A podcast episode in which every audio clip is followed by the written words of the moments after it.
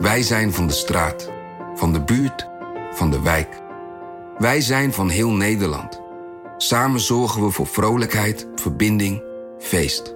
Samen brengen we in één jaar tijd 349 miljoen euro bij elkaar. Miljoenen waarmee onze goede doelenpartners de wereld groener, gezonder en rechtvaardiger kunnen maken. Nationale Postcode Loterij. Samen voor een betere wereld.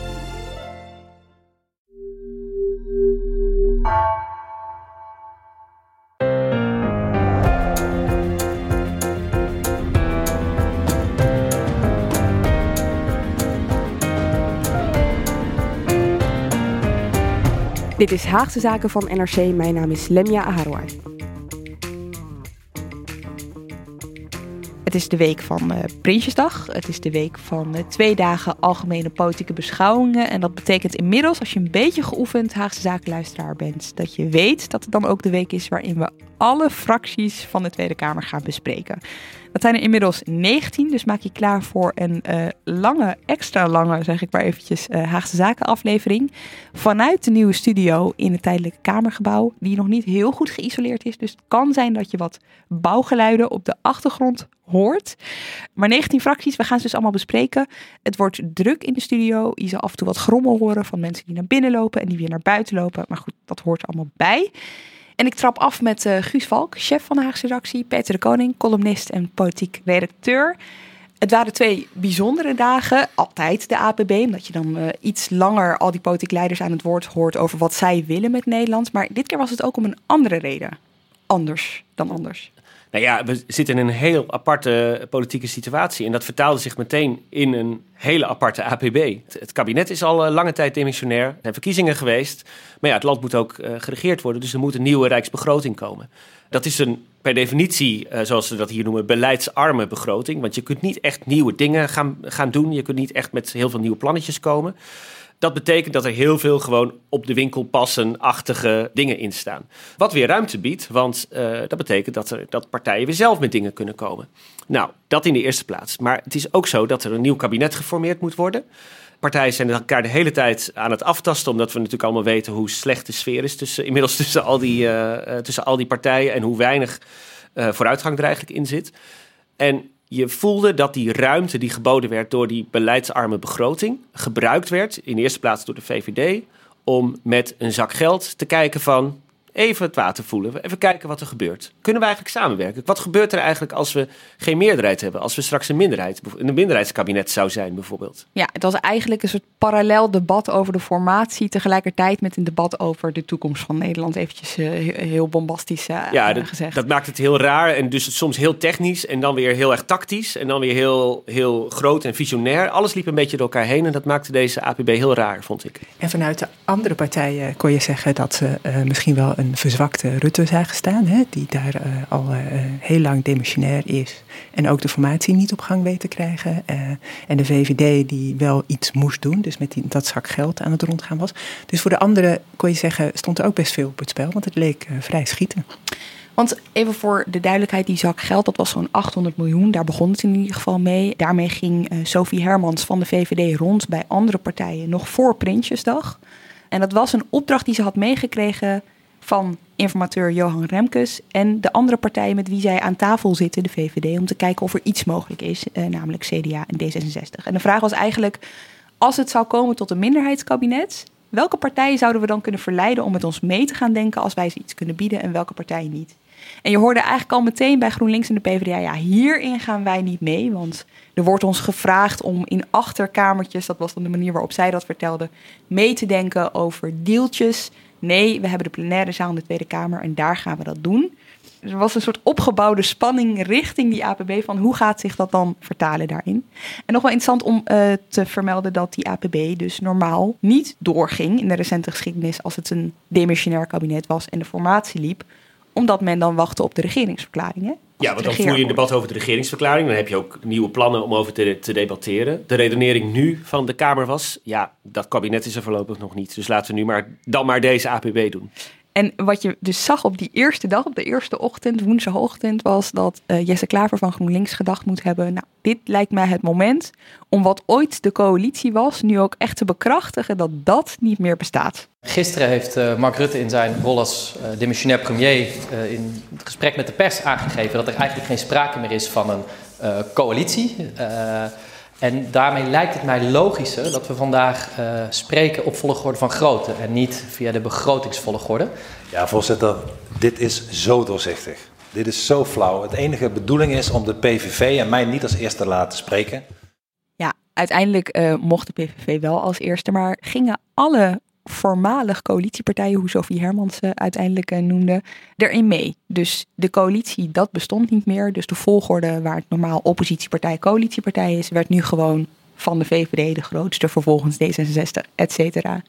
Wat zegt dit? Nou, dit was denk ik bedoeld om een punt te maken. Ik denk overigens wel dat uh, Klaver echt niet wilde dat Wilders als eerste ging. Dus dat hij ook in die zin op de brest sprong voor D66. Want hij wist dat Wilders een heel anti-Kaag uh, verhaal zou houden. En als grootste oppositiepartij mag hij dan als eerste.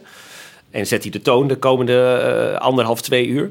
Dus dat, dat zat er ook in. Maar het was ook om het punt te maken van... dit is een loszand coalitie. Laten we dit loslaten, deze poppenkast. En door in te stemmen gingen die voormalige coalitiepartijen er dus zelf eigenlijk ook in mee. Ja, ook al zouden de twee dagen eindigen met een uh, deal die vooral tussen de vier coalitiepartijen was ja. tot stand gekomen. Ja, die linkse, twee linkse partijen die gingen er ook in met het idee van uh, we gaan het zo moeilijk mogelijk maken. Die drie andere partijen. Om te laten zien dat een minderheidskabinet, wat zij dus eigenlijk helemaal niet willen, GroenLinks en de PvdA, dat dat nog helemaal niet zo makkelijk is. Hoe vinden jullie dat dat is gegaan? Ja, je zag dat Ploemen daar uh, meer mee bezig was dan Klaver, denk ik. Die, die kwam veel strikter over en die uh, uh, kwam veel eisender over dan Klaver. Ik denk dat je bij Klaver veel meer ruimte al zag als je goed keek als VVD. Je zag het ook in de gangen achter de plenaire zaal. Want uh, Ploemen bleef echt in de bankjes zitten. En dat gold ook voor Henk Nijboer, haar secondant. Hè. Die waren echt bezig met het debat. Die waren aan het luisteren. Die waren daarmee bezig. Jesse Klaver en zijn secondant, Corine Ellemeet... die waren veel in gesprek met ja, gelegenheidscoalitjes. Dus uh, die waren dan in gesprek met de VVD achter de schermen. En dan waren ze in gesprek met Jette. En ik sprak Klaver er daarna nog eventjes over. En die zei, ja, nee, zo ben ik gewoon. Ik kan niet de hele dag blijven zitten in een zaal. Dus ik loop altijd heel veel heen en weer. Maar dat is natuurlijk niet zo, want ze waren de hele tijd... Af en toe waren, was er pen en papier bij. Hm. Bij GroenLinks probeerden ze wel heel duidelijk te maken... ja, het is gewoon niet zo. Wij zijn helemaal niet bezig met achterkamertjes, deals. Wij waren gewoon bezig met het debat in de zaal. En wat ik wel interessant vond, of wat dat wel bekrachtigde, was dat we hadden vrijdagochtend op de voorpagina een foto van Klaver en Jette in de wandelgangen achter de Tweede Kamer. Bij GroenLinks baalden ze daar een beetje van, want daardoor kon het idee ontstaan dat GroenLinks in de achterkamertjes deals aan het sluiten was met andere partijen. Dus ze willen daar ook totaal niet mee geassocieerd worden. Tegelijkertijd signaleerde jij ook dat ze dat dus wel degelijk doen. Dus ze spelen dat spel uh, mee. Alleen ze zeggen dat ze het niet doen. Ja, en uiteindelijk was de deal ook, hè, die is gesloten, ook niet met GroenLinks en de PvdA. Dus wat het heeft opgeleverd, nou ja, uh, ik denk dat we dat dus helemaal uh, aan het eind van de, de hele formatieperiode, dat we daar dan ongeveer achter zullen komen ik liep wat in en uit en was, was meestal ook andere dingen aan het doen. En, maar als je daar, jij hebt daar ongeveer non-stop gezeten en, en die wandelgang in de gaten gehouden. Merkte jij ook een soort omslag in die twee dagen? Want waar het, hè, Petra merkte dat net ook terecht op, waar, waar het begon en waar het eindigde, was natuurlijk een totaal andere situatie. Waar zat hem dat, denk je? Heb jij die omslag meegemaakt? Nou, het interessante was dat de eerste dag, het begon dan wel met uh, Wilders, daar gaan we het straks nog wel eventjes over hebben, en zijn aanval op Kaag. En je dacht, goh, gaan ze weer met die APB, weet je, waarin het vaak ook wel eh, veel over elkaar is en met elkaar. En de afgelopen debatten in de plenaire zaal gingen vaak ook over elkaar. Hè, over wie de formatie traineert, over wie de schuld heeft dat het zo langzaam gaat. Uh, maar die eerste dag van de APB ging eigenlijk echt over ideeën, over wensen, over wat er moest gebeuren met het extra geld dat vrij was gekomen. Uh, dus je zou kunnen zeggen, nou, daar zag je echt wel een soort onderhandeling in een zaal. Maar op de tweede dag ging die onderhandeling verplaatsen zich eigenlijk naar de gangen achter de zaal. En dat was best raar. Je zag het uh, vooral aan Rutte aan het begin. Maar hij had het over de zorgsalarissen die, uh, die stegen. Dat bericht kwam binnen echt tijdens het debat. Maar in het kort, het gaat erom waar komt dat geld vandaan. En daarin koos het kabinet voor iets anders dan wat de Kamer wilde. En Rutte had het erover, nou, die winstbelasting die gaat in ieder geval niet stijgen, was zijn punt. En hij maakte de Kamer steeds bozer en bozer. En dan kwam iemand als Wilders naar voren en die zei, ja, je zit met iedereen ruzie te maken. Maar uiteindelijk zag je dus dat er tegelijkertijd in de gangen achter de zaal veel werd gesproken. En moest Rutte aan het eind van het debat voorlezen dat de winstbelasting toch zou stijgen om de zorgsalarissen te kunnen betalen. Dat was een geweldig moment, want hij had dus die brief voor de Tweede Kamer. En hij zei, ja, nou, de zorgsalarissen stijgen en dat wordt betaald uit... hé, hey, wat grappig, verhoging van de winstbelasting. Dus, eh, en dan moest hij erg om lachen. Dus hij had het staan verdedigen en hij gaf het lachend weg. En het versterkte dus echt heel erg dat beeld van er is een debat in de zaal bezig, maar er wordt ook gedebatteerd buiten de zaal. En dit was het moment dat die twee debatten elkaar eventjes uh, kruisten, zal ik maar zeggen.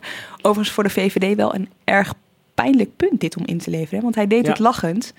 Maar een verhoging van de winstbelasting voor de VVD. het is een centraal VVD-punt dit. Dus uh, als we het er zo over hebben, denk ik, er is eigenlijk wel heel veel gebeurd. En tegelijkertijd, voor de formatie zou je je ook kunnen afvragen, wat is er gebeurd? Maar goed, dat is misschien ook wel tekenend voor deze periode. We gaan in deze aflevering alle 19 fracties uh, bespreken. De een wat langer dan de ander. En om het overzichtelijk uh, te houden, doen we gewoon wat de Kamer ook heeft besloten. Namelijk de volgorde van Klaver aanhouden. We beginnen met Wilders en daarna gaan we ze één voor één af opgroten.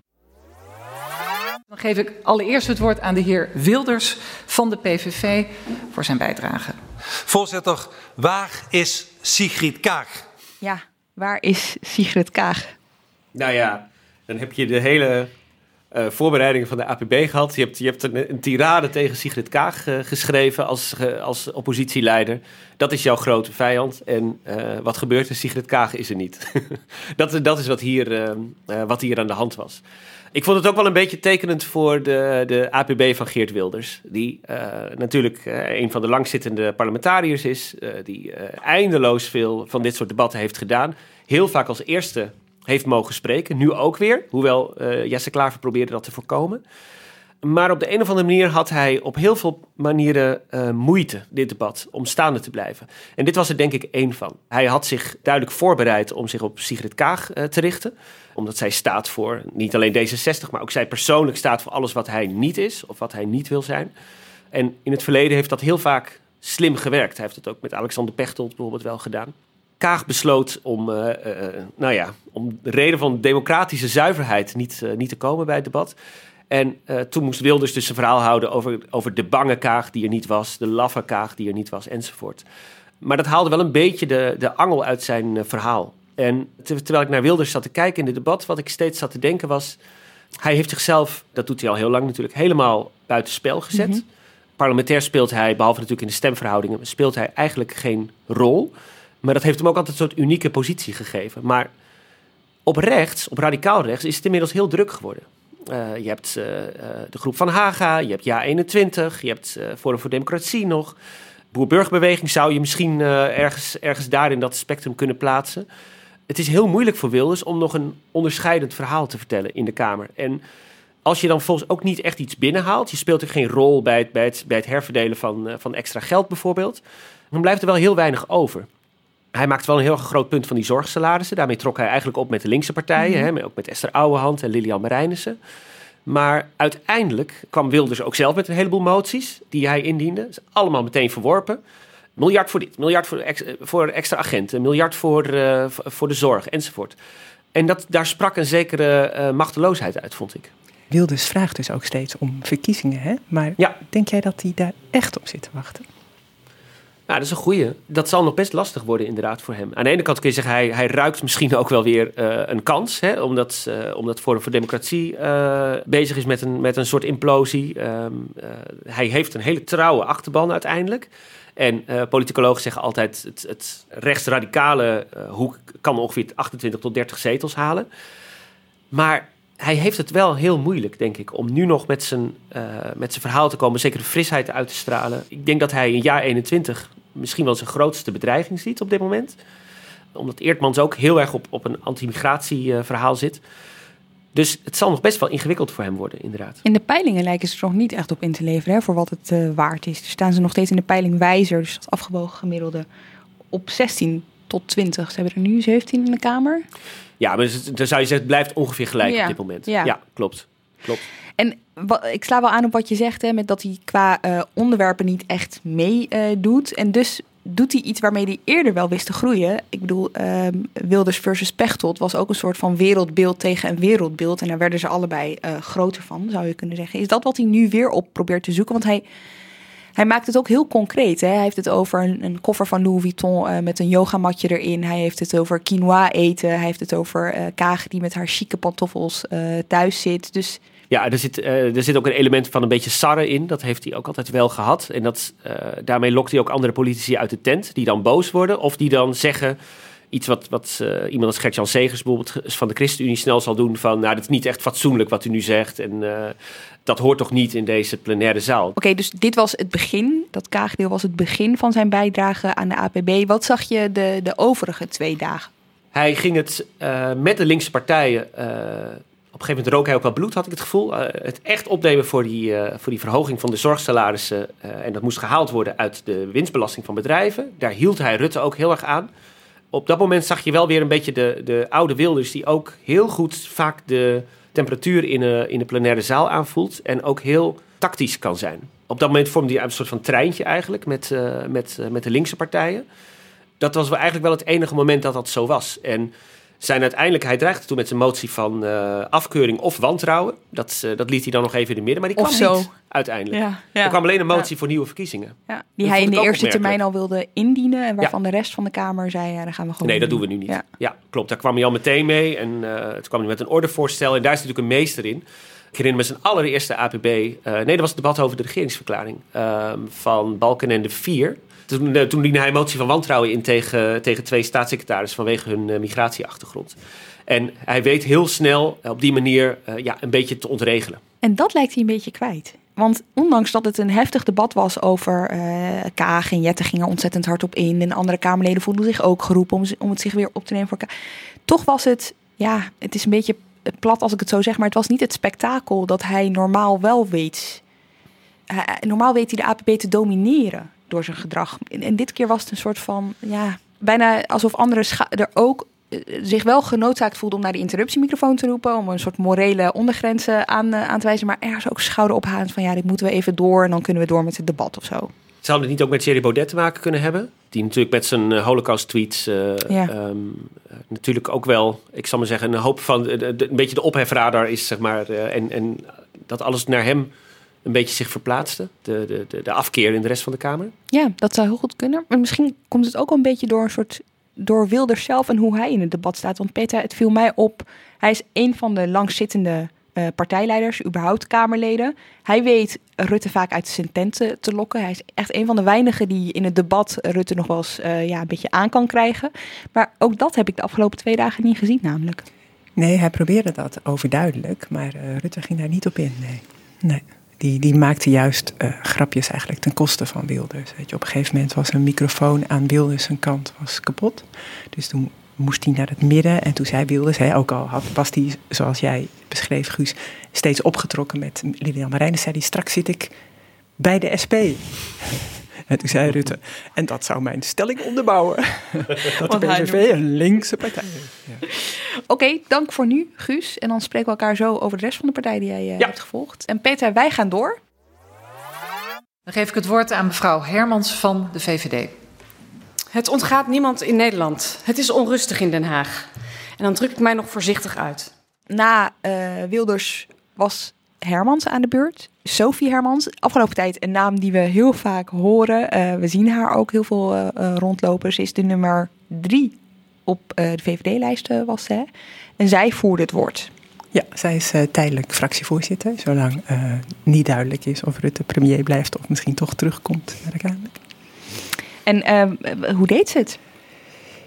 Ja, ze is duidelijk bezig met vlieguren maken, hè, zo noemen ze dat bij de VVD. Gewoon heel veel uren draaien. Uh, het zag er ook wel uit alsof ze flink geoefend heeft. En weet je, ze stond daar een, een voordracht te houden.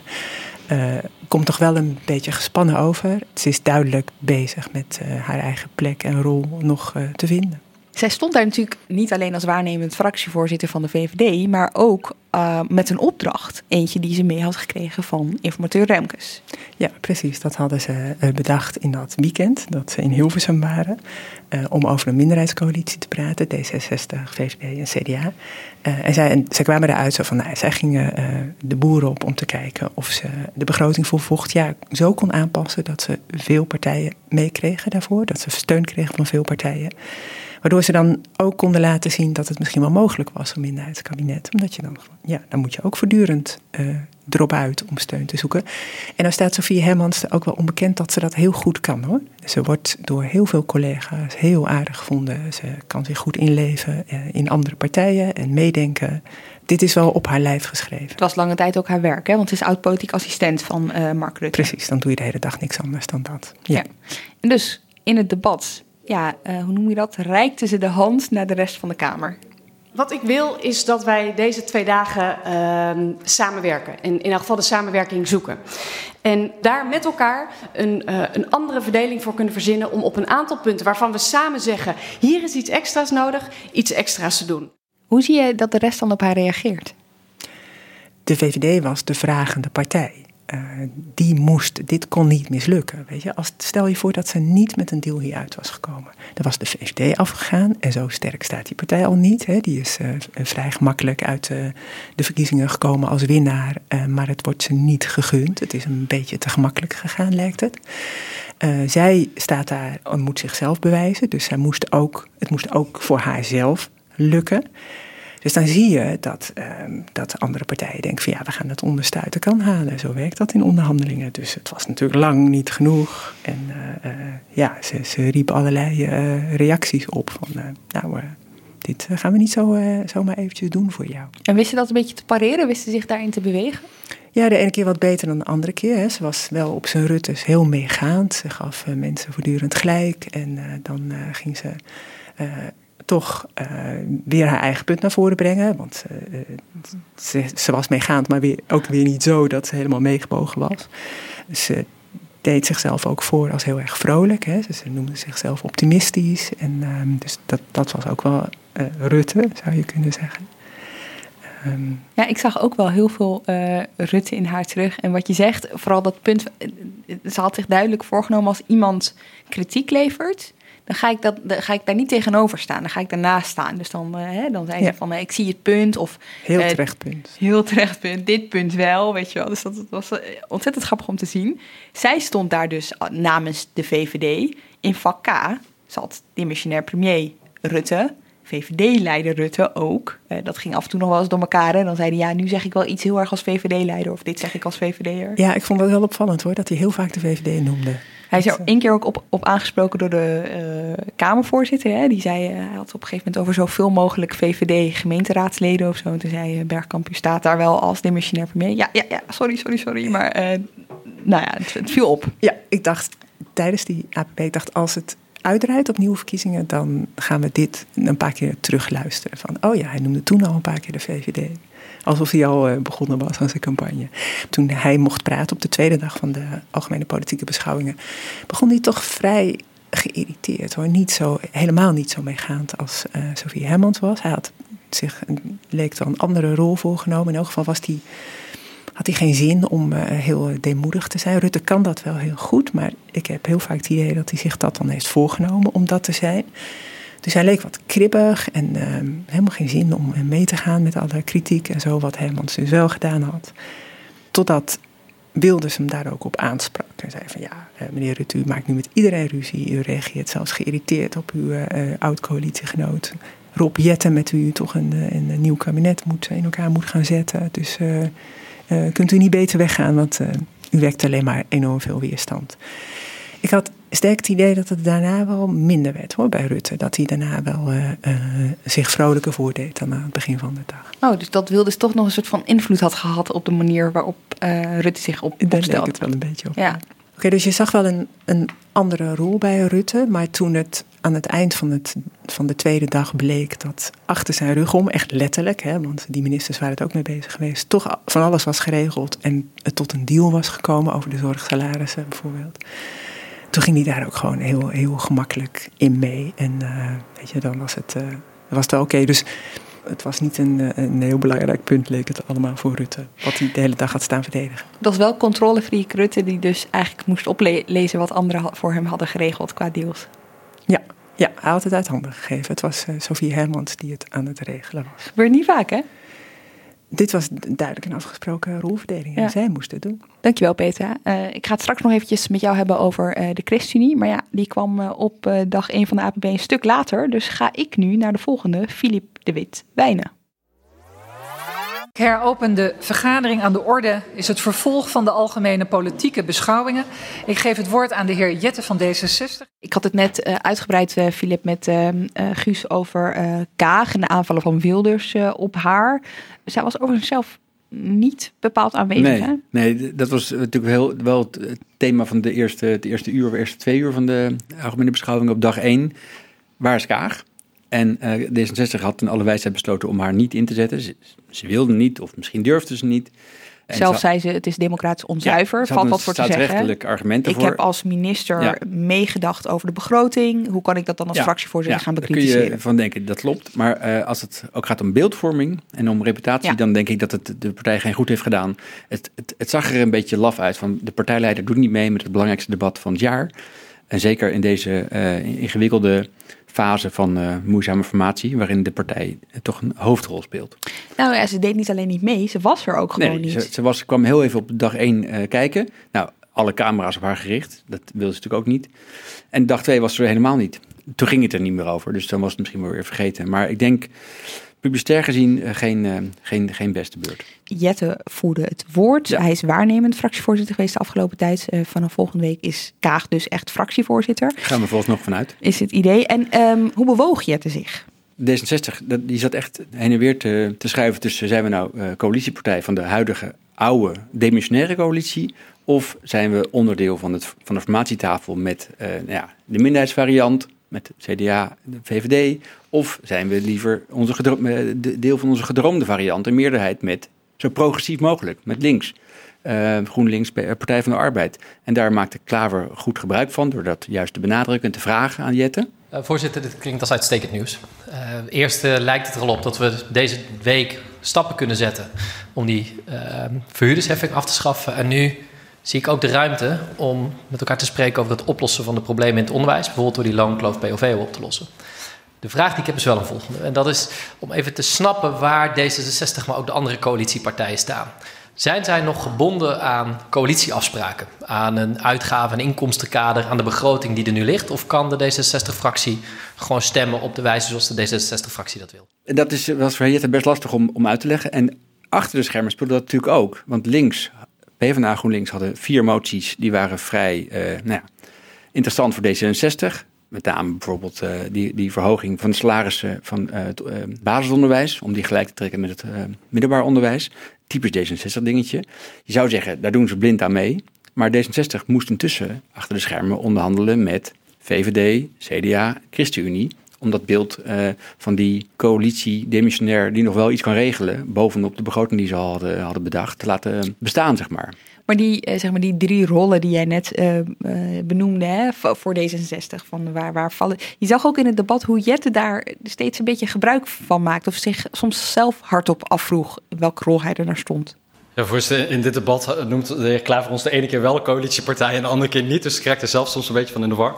Ik ga het gewoon bij mezelf houden en dan kunnen de collega's ook beantwoorden hoe zij daar zelf tegen aankijken. Uh, ik, ik benut ook vandaag om ook straks naar uw inbreng te luisteren, te kijken wat zijn alle verschillende ideeën die er leven. En hopelijk zien we dan met elkaar ja, mogelijkheden om een stap verder te komen. Nou, ik, ik heb het idee dat inhoudelijk ze natuurlijk best graag hadden mee willen doen met, met links. Maar ze hebben toch bedacht, we moeten die coalitie ook nog even vasthouden. En het is best ongemakkelijk, want uiteindelijk ligt er een akkoord met ChristenUnie. En dat is juist de partij die ze niet willen hebben aan die formatietafel. Exact, want ja. ik zat, nou, we hadden het erover uh, op dag twee, aan het einde van de dag van, uh, van de APB, van goh, wie, voor wie heeft dit nou goed uitgepakt? Even los van zeg maar de uh, leraren die een hoog salaris ja, krijgen of zorgpersoneel. Die, los van ja, inhoud. ja, strategie hoort er ook bij. Um, uiteindelijk was die 800 miljoen van, in eerste instantie 800 miljoen, is daarna meer dan verdubbeld van Hermans, bedoeld om te kijken, goh, uh, wie doet mee? En als het aan D66 had gelegen, waren dat natuurlijk de linkse partijen geweest. Want dat is de gedroomde coalitie van D66. Ja. Maar ze eindigen de dag of de avond toch nog met de ChristenUnie. Dat zeg maar, het beeld is dan ook van, ja, dan moeten zij misschien toch met z'n vieren gaan praten. Want zij komen er wel uit met z'n vieren. Uh, er is één detail waaruit blijkt dat het, dat het toch een way out is. eh, voor die formatietafel straks. En ook voor de eh, daadwerkelijke begrotingsbehandelingen in de Tweede Kamer. De motie waarin die grote deal staat, de motie Hermans, is een motie Hermans van alleen de VVD. En die drie coalitiepartners hebben het niet meegetekend. Dat is geen eh, onbelangrijk detail. Waarom? Omdat, eh, kijk, eh, een, een motie, met een motie instemmen kan iedereen. En dan ben je ervoor, jippie, is je aangenomen. Maar een motie meetekenen, dan sta je er echt onder. Dan ben je er meer bij betrokken. Dan heb je minder ruimte om later daar lastig over te gaan doen. En de linkerpartijen, die zien het... Kijk, die hebben eh, nu iets gekregen van wat ze graag willen. Maar ho- he- hoeven daar niet voor te leveren. Die hoeven niet eh, nu al te zeggen, we gaan met alle begrotingen instemmen daarom de vraag van Klaver ook en Jette. Voelt de D66-fractie zich nog wel vrij om straks te doen wat ze eigenlijk willen? Er komen straks weer allemaal nieuwe debatten. Die gaan staan allemaal op zichzelf. En de D66-fractie heeft denk ik bedacht... we gaan ons niet echt helemaal commenteren met de handtekening. We stemmen in, maar laten we nog een beetje vrijheid zien te houden. Ook met het oog op de formatie. We zijn niet getrouwd met deze eh, drie oude eh, coalitiepartners. Dank. Nou, Lemja, eigenlijk gaan we de rol even omdraaien, want jij weet alles van het CDA. En het CDA stond natuurlijk in het afgelopen jaar in het teken van intern gedoe, gezeik, eh, gezeur. Nog maar twee weken terug was het congres. Omtzigt is nog maar drie maanden geleden eh, uit de partij gestapt, is nog maar een week terug. En we zagen niet de partijleider aan het woord. Wopke Hoekstra zat als minister, demissionair minister van Financiën in VK, maar hield zijn mond. Ik heb achter de schermen wel iets van hem gezien, daar kan ik zo nog op terugkomen. We zagen Heerma aan het woord als, eh als vice-fractievoorzitter. Het woord is aan de heer Heerma van het CDA. Nou, we zijn al bij spreker 4. Houd moed, zou ik zeggen. Altijd. Heb je het idee dat, de, dat de, de interne partijcrisis bij het CDA eh, van invloed is geweest op wat we hebben gehoord en gezien van het CDA in de twee dagen van marathondebat? Ja, dat was natuurlijk ook wel de blik waarmee ik er naar ben gaan kijken. Van, kun je daar nog iets van terugzien? Nou, niet zozeer in, eh, in de bijdrage eigenlijk van, eh van Heerma. Wat ik overigens voor het CDA, een partij die toch nog een beetje op zoek is naar zichzelf. Welk verhaal willen we vertellen? Want dat is eh, een van de onderdelen die, die, ja, die de afgelopen tijd een beetje problematisch voor is geweest. Hè? Waar, staan we eigenlijk voor? En ehm Heerma vertelde daar een verhaal dat heel erg ging over de samenleving. Dat heel erg ging over de schaduwzijde van het doorgeslagen neoliberalisme. En andere partijen die luisterden ernaar en die dachten... hé, hey, wacht eens even, dit klinkt eigenlijk wel als iets waar wij mee samen kunnen werken. Klaver bijvoorbeeld, die stapte op een gegeven moment naar de interruptiemicrofoon... en die wilde er geen formatiedebat van maken, maar deed dat toch een beetje. Voorzitter, ik zal er geen formatiedebat van maken. Maar als je deze visie hoort waar je heen moet met Nederland, dan vraagt dat niet om samenwerking van het CDA met de VVD, maar om samenwerking van het CDA met linkse partijen hier in het parlement. De heer Heerma heeft vaker over deze visie gesproken. Ik heb met de heer Hoekstra een heel ander geluid gezien in de campagne, een stuk rechter. Heel veel van wat ik ingebracht heb bij de laatste twee algemeen politieke beschouwingen is terechtgekomen in ons verkiezingsprogramma. Dat geldt overigens als het om een nieuw sociaal contract gaat, ook om ideeën die mijn oud-collega, maar nog steeds ambtgenoot Omtzigt ook heeft gedaan. En ook hebben jullie, heeft iedereen op het CDA-congres, onze partijleider, een christendemocratisch verhaal zien uitleggen, wat, wat ook hiervan uitgaat. Dus dat, de suggesties die de heer Klaver daar die werp ik verre van. Dit is wel echt interessant Ja. hoor. Eh, omdat in het CDA onderdeel van het rommelen van de afgelopen tijd is geweest. eh, hoe kan het dat Wopke Hoekstra zo'n ander verhaal vertelt dan waar de partij de afgelopen tijd aan heeft gewerkt? Dat heeft zich ooit eh, geuit in een, een rapport van het Wetenschappelijk Instituut. En dat was een, echt ja, een, een rapport over het CDA als middenpartij. Nou, we hebben het hier vaak over gehad in Haagse Zaken. De campagne verliep toch wel een beetje anders. En dat, ja, het riep een soort twijfel op bij CDA'ers van... is Wopke Hoekstra wel de juiste man voor, eh, voor deze partij?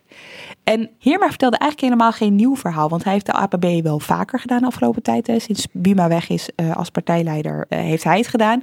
En dit was een verhaal waarmee hij wel vaker kwam. Maar dat, dat zorgde juist voor verwarring bij CDA'ers. Want ze hoorden dit Ja. bij Heerma. Ze hoorden wat anders bij hun eh, partijleider. Dus dat is dus erg grappig dat Klaver daar een soort handigheidje van Ja. maakt. Van als ik dit hoor, ja, waarom zou je dan nog met de VVD? Kom bij ons.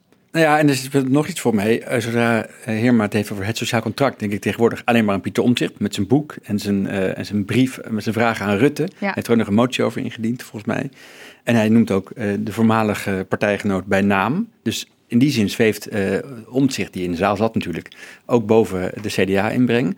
En dat brengen we dan bij de vraag, als er iemand is die niet met Rutte wil regeren, is het Pieter Omtzigt. Hoeft ook niet, want die speelt daar geen rol in als, als, als één pitter nu.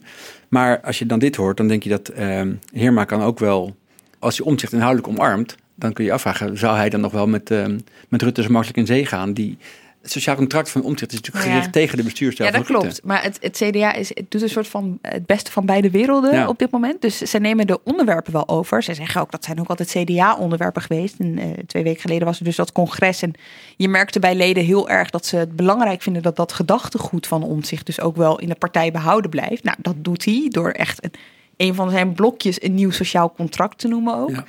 Eh, maar aan de andere kant, ja, zij zagen in Pieter Omtzigt dus ook, ja, uh, hard gezegd, een soort last van dat is door Pieter Omtzigt kunnen wij niet samenwerken met Rutte, al zouden we dat wel willen. Maar hij is nu geen onderdeel meer van de partij, dus hoeven we daar geen rekening meer mee te houden. Dus he, nemen zijn um, gedachtegoed wel over, maar hoeven geen rekening meer met hem te houden. Nee. Misschien nog wel uh, um, electoraal, electoraal. Als je maar veel over omzicht praat, en doet alsof je zijn ideeën overneemt, dat je dan uh, probeert die achterban binnen te houden en de kiezers binnen te houden. Zeker. En de afgelopen tijd heeft het CDA, uh, merkt je ook wel dat ze heel erg aan het benadrukken waren dat het aan hun niet heeft gelegen. Dat ze allerlei pogingen hebben ondernomen om, uh, om zich alsnog behouden te laten. Nou, je kan je afvragen of de, de, het voortraject daar naartoe, zeg maar, de manier waarop CDA-ministers zich hebben uitgelaten over omzicht, of dat dan wel genoeg... Of voormalige minister. Voormalige Precies. Maar anyway, in die afgelopen periode ja. probeerden ze dat heel erg. Maar laten we het nog even hebben over omzicht. Ja. Want dit was zijn eerste APB als uh, zelfstandig Kamerlid. Ja. Wat viel je op aan hem? Nou, hij was natuurlijk door de laatste spreker, met weinig spreektijd. Wat had hij? Uh, zes minuten? Zoiets, ja. Uh, maar ik vond hem toch wel zeer aanwezig. actief in interrupties zijn bekende vragen naar. Uh, uh, hij, wilde altijd, hij wil altijd maar uh, besluitenlijsten zien van het kabinet of van onderraden. Hij hamert op uitvoering van alle moties die te maken hadden met de toeslagenaffaire, waar hij zich gewoon in had vastgebeten. dus zeer nadrukkelijk aanwezig.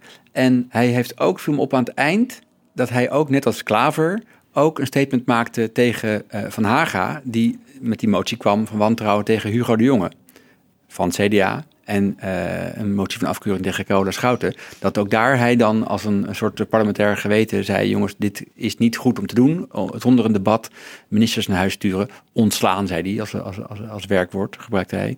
Uh, dat vond ik ook opvallend. Dus dat hij dus toen weer gedroeg als iemand eh, die daar ook even de politieke morus uh, wil uitleggen. Ja, het is bij zo'n afsplitser altijd interessant om te kijken waarop gaat hij zich profileren. Ja. was dat bij Pieter Omtzigt natuurlijk niet zo heel erg moeilijk. Iedereen had al wel een beetje een idee van die bestuurscultuur, de informatievoorziening aan de Kamer. Hè. Ja. Daar, daar, dat doet hij ook echt door steeds om informatie te vragen aan de interruptiemicrofoon.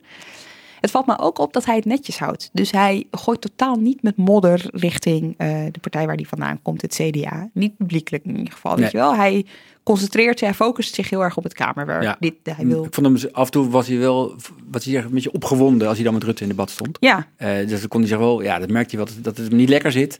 En hij, in die zin was hij niet, hij bleef netjes, maar hij was wel, het was wel ingehouden woede. Ja, hij benoemde ook ja. een paar keer van deze Kamer heeft over mij gesproken zonder dat ik erbij was. Ja. En ik heb dat vanuit huis mee moeten kijken. En, nou, uh, het was wel onderwerp van gesprek, zeg maar, maar hij heeft het niet tot zijn focus gemaakt. Nee. Nee, nou ja, ik vind wel dat hij blijft, hij blijft het wel op de man spelen als hij alsmaar weer over ambtenaren begint die uh, hadden moeten worden weggestuurd in die toeslagenaffaire. Er wordt hem zeer kwalijk genomen door nou ja, het, het kabinet, maar ook bij financiën vinden ze dat vinden ze dat niet goed dat een parlementariër spreekt over personeelsbeleid van een uh, departement. En dat herhaalde hij toch wel weer een aantal keer. Ja, je had het net over die zes minuten spreektijd. Ja. Dat verdubbelde wel. Door zijn vele interrupties. Nou, uh, niet door zijn interrupties. Oh, nee, die hij kreeg. Ja, ja, ja. daar zat ook een ideetje achter, hè? Ja, daar had jij iets van meer, meer van meegekregen volgens mij, Lemja. Ja. Uh, was dat niet een rol voor, uh, voor Jesse Klaver? Die nou, dat, uh... het, het, was me opgevallen dat de vragen die Klaver stelde eigenlijk een soort vragen waren die heel erg gingen over punten die Omtzigt graag maakt. Ja. Waardoor hij bijna, ik denk, nou, of hij verdubbelt het of hij verdubbelde meer zijn, zijn, zijn spreektijd. Ja. En ik begreep vanuit GroenLinks dat dat ook wel een beetje een manier was om omzicht. Hè? Ze weten daar hoe het is, kleine partij, weinig ja. tijd. Om nog iets ja. meer tijd te gunnen aan het eind. En werd dat denk je ook door Omtzigt zo zelf, uh, zelf zo gezien? Weet het niet. Zou die Jesse Klaver daarvoor bedankt hebben? Ik heb geen idee. Nee, Dit zei nee. tot hier rijk maar kennis. was heel goed gezien van jou. Dank voor nu, Filip. En tot straks. Ja, tot zo. Dan geef ik het woord aan mevrouw Marijnissen van de SP. Pim, jij volgt de SP, Lilian Marijnissen. Wat viel je op in haar? Ja, nou, het, het verhaal van Lilian Marijnissen was eigenlijk uh, haar eigen inbreng een heel klassiek SP-verhaal. Dus ze focuste heel erg op de uh, sociaal-economische ongelijkheid die ze ziet toenemen. De zorg was opnieuw een groot, groot thema voor haar. maar natuurlijk ook de, de toeslagenaffaire, waar de SP zich heel erg voor heeft ingezet, voor de slachtoffers. En nou ja, uh, ze was ook wel weer heel, heel fel richting uh, premier Rutte. Uh, ze vroeg hem op dag twee ook nog van... ze eiste dat hij eindelijk zou toezeggen... wanneer er nou een, een, een datum is dat al die mensen echt, echt geholpen zijn.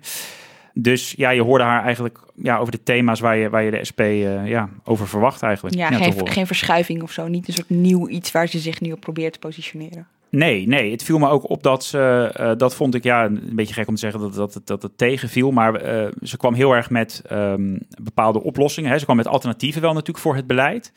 Uh, maar dat zijn eigenlijk dingen waar de SP het ook al wel jaren over heeft. Dus bijvoorbeeld, hè, het was een beetje het afstoffen van oude plannen. Dus we hoorden weer het Nationaal Zorgfonds. Nou, binnen de SP is er ook al jaren een soort van frustratie dat dat... Het is een, op papier een prachtig idee, hè, het zorgverzekeraars afschaffen. Maar het komt, ja, het komt allemaal toch niet echt uit de verf. Het, het, is niet echt in beeld als een serieus plan voor bijvoorbeeld. Hè, eh, ook omdat de SP natuurlijk niet echt in beeld is voor de regering. Maar ja, het was toch soms een beetje het afstoffen van oude plannen. Interessant um, dat ze dat proberen, terwijl het daarmee dus niet lukt om te groeien. Nee, nee, maar goed, het zijn aan de andere kant, hè, dit zijn ook plannen waar ze heel erg in geloven. Dus het zou ook gek zijn als je ze daar niet meer over hoort. Maar het waren wel, het, ook nog bijvoorbeeld het zorgbuurthuis kwam weer terug. Een soort alternatief voor het verzorgingshuis, wat, uh, waar de SP uh, aan probeert te werken. Maar goed, dat waren niet hele nieuwe plannen, viel me ook op. Ja, ja je, je noemde net al eventjes uh, de regeringsdeelname. Uh, we hebben ook allemaal een beetje gekeken met de, uh, door de bril van de formatie naar dit debat. Wat, wat zag je daarin? Nou, uh, Marijnissen was, dat was natuurlijk op zich te verwachten, heel kritisch over de trage voortgang van, van de kabinetsformatie. Daar ging ze op een gegeven moment ook een, een vraag over stellen aan D66-fractievoorzitter Rob Jetten. Maar Jette uh, die gaf haar toen, uh, die naar toen van repliek. Ik zou eigenlijk dan ook de bal willen terugkaatsen.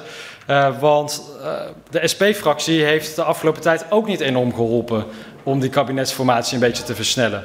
u heeft tegen de aanstelling van mevrouw Hamer gestemd. U heeft tegen de tweede aanstelling van mevrouw Hamer gestemd. U heeft in het vorige debat tegen de motie gestemd van de heer Rutte om informateur Remkes te benoemen. Maar u stemde ook tegen de motie van de heer Wilders voor nieuwe verkiezing. Maar ik heb in het vorige debat geen motie Marijnis gezien over hoe we dan wel uit deze impasse moeten komen. Dus ik ben het op heel veel inhoudelijke punten van u, denk ik, nou, interessant, laten we kijken hoe we daarmee uh, verder kunnen. Maar dan zou ik u ook willen uitdagen, wat kan de SP doen om die formatie een beetje vlot te trekken en snel tot een nieuw kabinet te komen? En je hoorde Jette hier dus eigenlijk zeggen, hè, um, mevrouw Marijns, u kunt wel kritisch zijn op de trage voortgang voor de formatie, maar als we nou één partij al hè, vanaf april niet meer in beeld hebben gezien en niet meer bereid hebben gezien om mee te praten, dan is het toch weer de SP.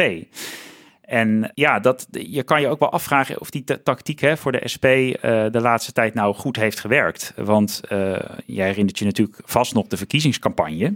Uh, waarbij Marijnissen enorm uh, zei dat de SP eindelijk een keer wil gaan regeren. En de VVD leek daar ook nog wel nou, oren naar te hebben. Precies. Ook in ieder geval, tenminste. Binnen de VVD, hè, dat hebben we, hoorden wij toen ook uh, wel binnenskamers, werd er echt gedacht, kijk die SP is, niet, is wel links, maar ook een beetje conservatiever dan die andere linkse partijen. Dus er was dus een beetje geflirt, in de politiek geflirt in de campagne tussen Rutte en Marijnissen. Maar goed, uh, Marijns heeft natuurlijk na uh, de rel rond Omtzigt en de toeslagenaffaire, de deur weer helemaal dichtgegooid voor de VVD. Met als gevolg ja, dat de, de, SP al maanden niet, niet in beeld is om deel te nemen aan die formatiegesprekken. Ja, en daarmee natuurlijk toch ook wel weer heel erg veel politieke relevantie heeft verloren. maar je kan je afvragen of het voor hun achterban juist niet een hele goede zet is geweest dat ze dat heeft gedaan. Want je ziet ja. andere partijen die in eerste instantie zich ook tegen Rutte keerden door bijvoorbeeld de motie van wantrouwen tegen hem te steunen. Ja. Uh, GroenLinks, de PvdA. Die hebben zich allemaal weer naar hem toegekeerd. Hè. Die willen dolgraag, ja. uh, in het geval van sommige partijen. En bij de SP, zij is daar gewoon niet in meegegaan. Zij heeft een soort grens gesteld en daar is ze blijven staan. Precies, je kan, je kan zeggen, uh, Lilian Marijnissen is in ieder geval principieel gebleven. Uh, en die, uh, ja, die is niet teruggekomen op eigenlijk de harde woorden ook van GroenLinks PvdA om te zeggen, nou Mark Rutte, daar, daar kunnen we eigenlijk geen zaken meer mee doen. Aan de andere kant, je kan je wel afvragen of dat... Uh, daar heeft de SP tot nu toe, het zijn maar peilingen... maar natuurlijk ook, ook nog weer gewoon opnieuw niet van geprofiteerd. Uh, in maart was het al echt een gigantische nederlaag. Naar negen zetels van veertien. En je ziet ja, de SP nu in de peilingen ook eerder weer verliezen dan, dan zetels winnen. Dus kijk, en de SP had altijd al, hè, heeft altijd al het imago gehad van aan de zijlijn uh, staan. En, en ja, toch niet bereid verantwoordelijkheid te nemen. Dat blijft wel toch ook zo aan de partij kleven. Neemt niet weg dat ze wel wat groot voor hun doen, in ieder geval, uh, voor elkaar hebben gekregen deze dagen. Ja, precies. Je kan ook niet zeggen dat hè, de, de, de, de uh, standpunten van de SP uh, helemaal geen navolging krijgen. Want um, de, de deal over de zorgsalarissen deze week, dat is wel echt iets waar de SP uh, zich jarenlang eigenlijk al voor, voor heeft ingezet. En zeker sinds het begin van de coronacrisis. En je merkte ook wel dat nou ja, de partij dat de laatste dagen ook op social media en zo, je ziet iedereen, uh, Marijnis en zorgwoordvoerder Maarten Heijink, allemaal wel ook trots over twitteren dat ze dit hebben binnengehaald. En ik moet ook wel zeggen, als er één partij is die uh, dit elke keer weer is blijven agenderen, ja. die elke keer bij al die acties met die zorgmedewerkers was, dat allemaal onder uh, aanvoering geweest van de SP en de vakbonden. Ja, dat, uh, daar verdienen ze ook wel een beetje krediet voor. Ja, dus ondanks dat ze zich buiten de formatie hebben geplaatst, ja. hebben ze in ieder geval wel als een van de weinige partijen echt iets groots binnengesleept. Ja, zeker. Dankjewel, Pim. En dan maakt Lilian Marijnissen plaats voor Lilian Ploemen. En Pim voor Mark Liefse Adriaanse en Filip de Witwijnen is er ook. Want wij gaan het hebben over GroenLinks en de PvdA. En ik wil graag het woord geven aan de heer Klaver van GroenLinks voor zijn bijdrage. Daarna mevrouw Ploemen van de PvdA. Vandaag en morgen is onze kans om als Kamer de daad bij het woord te voegen, want wij willen het anders. En daarom doe ik eh, samen met GroenLinks vier concrete voorstellen om de begroting voor volgend jaar eerlijker, duurzamer, socialer te maken. Voorzitter 1. De Partij van de Arbeid wil de woning. Jullie dachten als die partijen zo flink uh, samenwerken, dan uh, doen wij dat ook. Ja, nee, totaal niet. Wij doen alles samen. Zit elkaar niet in de weg. Ja, oké. Okay, dit wordt mij uh, iets uh, te klef. We, we, hebben jullie natuurlijk bij elkaar gezegd omdat GroenLinks en de PvdA uh, hebben voorgenomen. Wij gaan overal heel erg samenwerken. Zag je dat terug in het debat? Eigenlijk niet echt, vond ik. PvdA zit uh, iets, iets uh, meer naar voren in, uh, in, de, in, de, in de plenaire zaal dan GroenLinks. Dat is, ze hebben zeg maar, van vak gewisseld na, de, na de verkiezingen. mij viel op dat, dat Klaver actiever in het debat was en vooral actiever achter de schermen was. Die liep veel vaker op uit zijn bankjes, even naar achteren. God ook voor zijn, zijn fractieleden, Ellen Meet, Bart Snels. Er werd duidelijk ook door hun gekonkeld. En hun, ze hadden gezamenlijk vier moties hadden ze op tafel liggen. Die moesten ook worden verkocht. En ik had het idee dat de PvdA daar helemaal niet aan meedeed. En uh, GroenLinks wel. Dus dat was punt één. En ten tweede, aan het eind, na de grote deal van, uh, wat is het, twee, uh, ruim 2 miljard, klonk Klaver daar zeer voldaan mee, heel gelukkig. Zie hoe samenwerking mogelijk is, hoe je kan praten met de middenpartijen in de Tweede Kamer. En Ploemen was helemaal niet zo gelukkig, vond ik. Die had het over, ze, labmiddelen, die wilde veel meer. Klaver wil ook meer, maar Klaver deed meer voorkomen alsof het goed was. Andere partijen die je dan sprak zo uh, achter de debatzaal, die zeiden, die zagen dat verschil ook wel. Hè? Die zagen dat Klaver soms fel inging, maar nog steeds wel een soort houding had van, nou ja, kom maar op, we kunnen misschien nog wel samenwerken op iets. En dat, nou ja, iemand noemde Ploemen een stuk botter. Die was echt niet van plan om samen te gaan werken. Die had een wat geslotenere houding. Ja, samenwerken met de, met de coalitiepartij dan. Ja, precies. Ja, ja. Want, maar tegelijkertijd wil Ploem natuurlijk wel heel graag formeren met Mark Rutte. En daar zit volgens mij een soort tegenstrijdigheid in. Hè? Dat merkte je heel goed ook in haar bijdrage, waarin ze Rutte aansprak op uh, de toeslagenaffaire. Of hij zich niet schaamde dat hij er nog zat. En aan de minister-president wil ik dan ook via u, voorzitter, vragen. Schaamt u zich eigenlijk niet? Schaamt u zich niet dat u hier een demissionaire begroting moet presenteren waarmee nog geen begin gemaakt wordt met het oplossen van de grote problemen van Nederland? En u ondertussen de formatie ophoudt door allerlei politiek gedoe. En tegelijkertijd wil Ploemen ook heel graag met Rutte regeren. Dus enerzijds zien zij de Rutte als de drager van de politieke cultuur die PvdA zegt te willen beëindigen. En anderzijds zien ze Rutte ook de weg naar een kabinet dat voor hun uh, ja, de fundamentele maatschappelijke veranderingen die de PvdA wil mogelijk moet maken. Maar in, de, in, in het debat was, lag, lag de focus, in ieder geval de bijdrage mhm. van Ploemen, lag de focus vooral op dat eerste deel. Ja, maar ze heeft ook wel een aantal keer gezegd natuurlijk van, uh, als ik het goed heb, dat ze best mee zou willen onderhandelen met Rutte. Dus er zijn twee houdingen ten opzichte van Rutte. Er, er huizen twee uh, gedachten over Rutte in de PvdA-ziel deze weken. En het verschil met Klaver is denk ik, en de houding van Klaver, is dat beide partijen hebben een trauma. De PvdA heeft een trauma over Rutte 2 en het regeren met, met Rutte. En GroenLinks heeft een trauma over Rutte 3, dat ze daar niet in zitten. De formatie die toen mislukt Precies. Ja. En daardoor een grotere wil om te laten zien dat zij ook echt wel... En, en we hebben het de afgelopen maanden best vaak gehad over hoe in hoeverre gaan ze elkaar nu echt vasthouden? Hè? Is dit allemaal iets wat ze tijdelijk doen? Of is er nu een, een onomkeerbare stap gezet die uiteindelijk in een partijfusie zal resulteren? En tegelijkertijd keken we daarbij vaak van ja, gaat het coalitiepartijen lukken om die twee misschien een beetje mhm. van elkaar. Hey, je hebt eh, maar één van de twee nodig voor een meerderheid. VVD en CDA willen liever niet allebei. Dus waar zit de ruimte om die twee en, uit elkaar te trekken? En je zou misschien kunnen zeggen, het is vroeg, het is uh, misschien nog niet tijd voor deze grote conclusie en we weten niet wat de komende formatieweek gaat brengen. Maar je zou misschien kunnen concluderen dat deze week het gelukt is om Klaver iets los te trekken van Ploemen. Ja, ik weet alleen niet of, of, vind je dat of, gaan? of het lostrekken geweest is. Klaver had zelf gewoon die houding. Die had echt een opener houding dan, eh, dan Ploemen. En wat me met name opviel... Uh, in Klavers houding, dat hij zo graag mee wil doen met de regerende partijen, was aan het eind, nadat uh, Wiebren van Haga twee uh, best botte moties had ingediend. Een motie van uh, afkeuring en tegen wantrouwen. Schouten en een motie van wantrouwen tegen Hugo de Jonge. Die waren niet aan de orde van het debat geweest, dus dat keurde de coalitiefractieleiders af. En Klaver deed daaraan mee. Dus er stonden op een gegeven moment vijf mensen op. Klaver volgens mij zelfs als eerste. Met Sophie Hermans van de VVD, Pieter Herman van het CDA, Gertjan Segers ChristenUnie, en Rob Jette van D66, die het eerste het woord nam. En Klaver deed daaraan mee. Dus je zag opeens vijf mensen staan. Hey, is dat nou... Uh, en Klaver ging gewoon de coalitie beschermen. Nou, eh, coalitie beschermen. We spraken hem daarna en wat hij zei toen van... De, de Kamer moet een beetje gedisciplineerd worden. We moeten elkaar een beetje disciplineren. Dus opletten dat we elkaar niet de hele tijd... Uh, dat we niet in de eerste termijn een motie gaan indienen. Bijvoorbeeld wat Wilders uh, Ja, oké. Maar ik denk dat iemand als Ploemer dat ook vindt. Maar die staat er niet op om dat te zeggen. En Klaver deed dus voor... Ja, optisch mee met het, uh, het beschermen van twee bewindspersonen uit een kabinet waar hij niet in zit.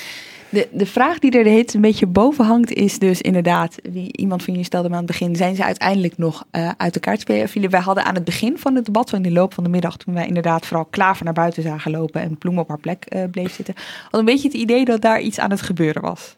Ja, maar uh, het is ook, ehm, hoe ik het in ieder geval begrijp van de partij, beide partijen zelf, dat GroenLinks gewoon wat makkelijker uh, bereid is om, om te praten met andere mensen. Ze noemen dat nog niet onderhandelen, maar ze willen zich laten informeren. Ze willen informatie geven over hun, hun ideeën, hun moties.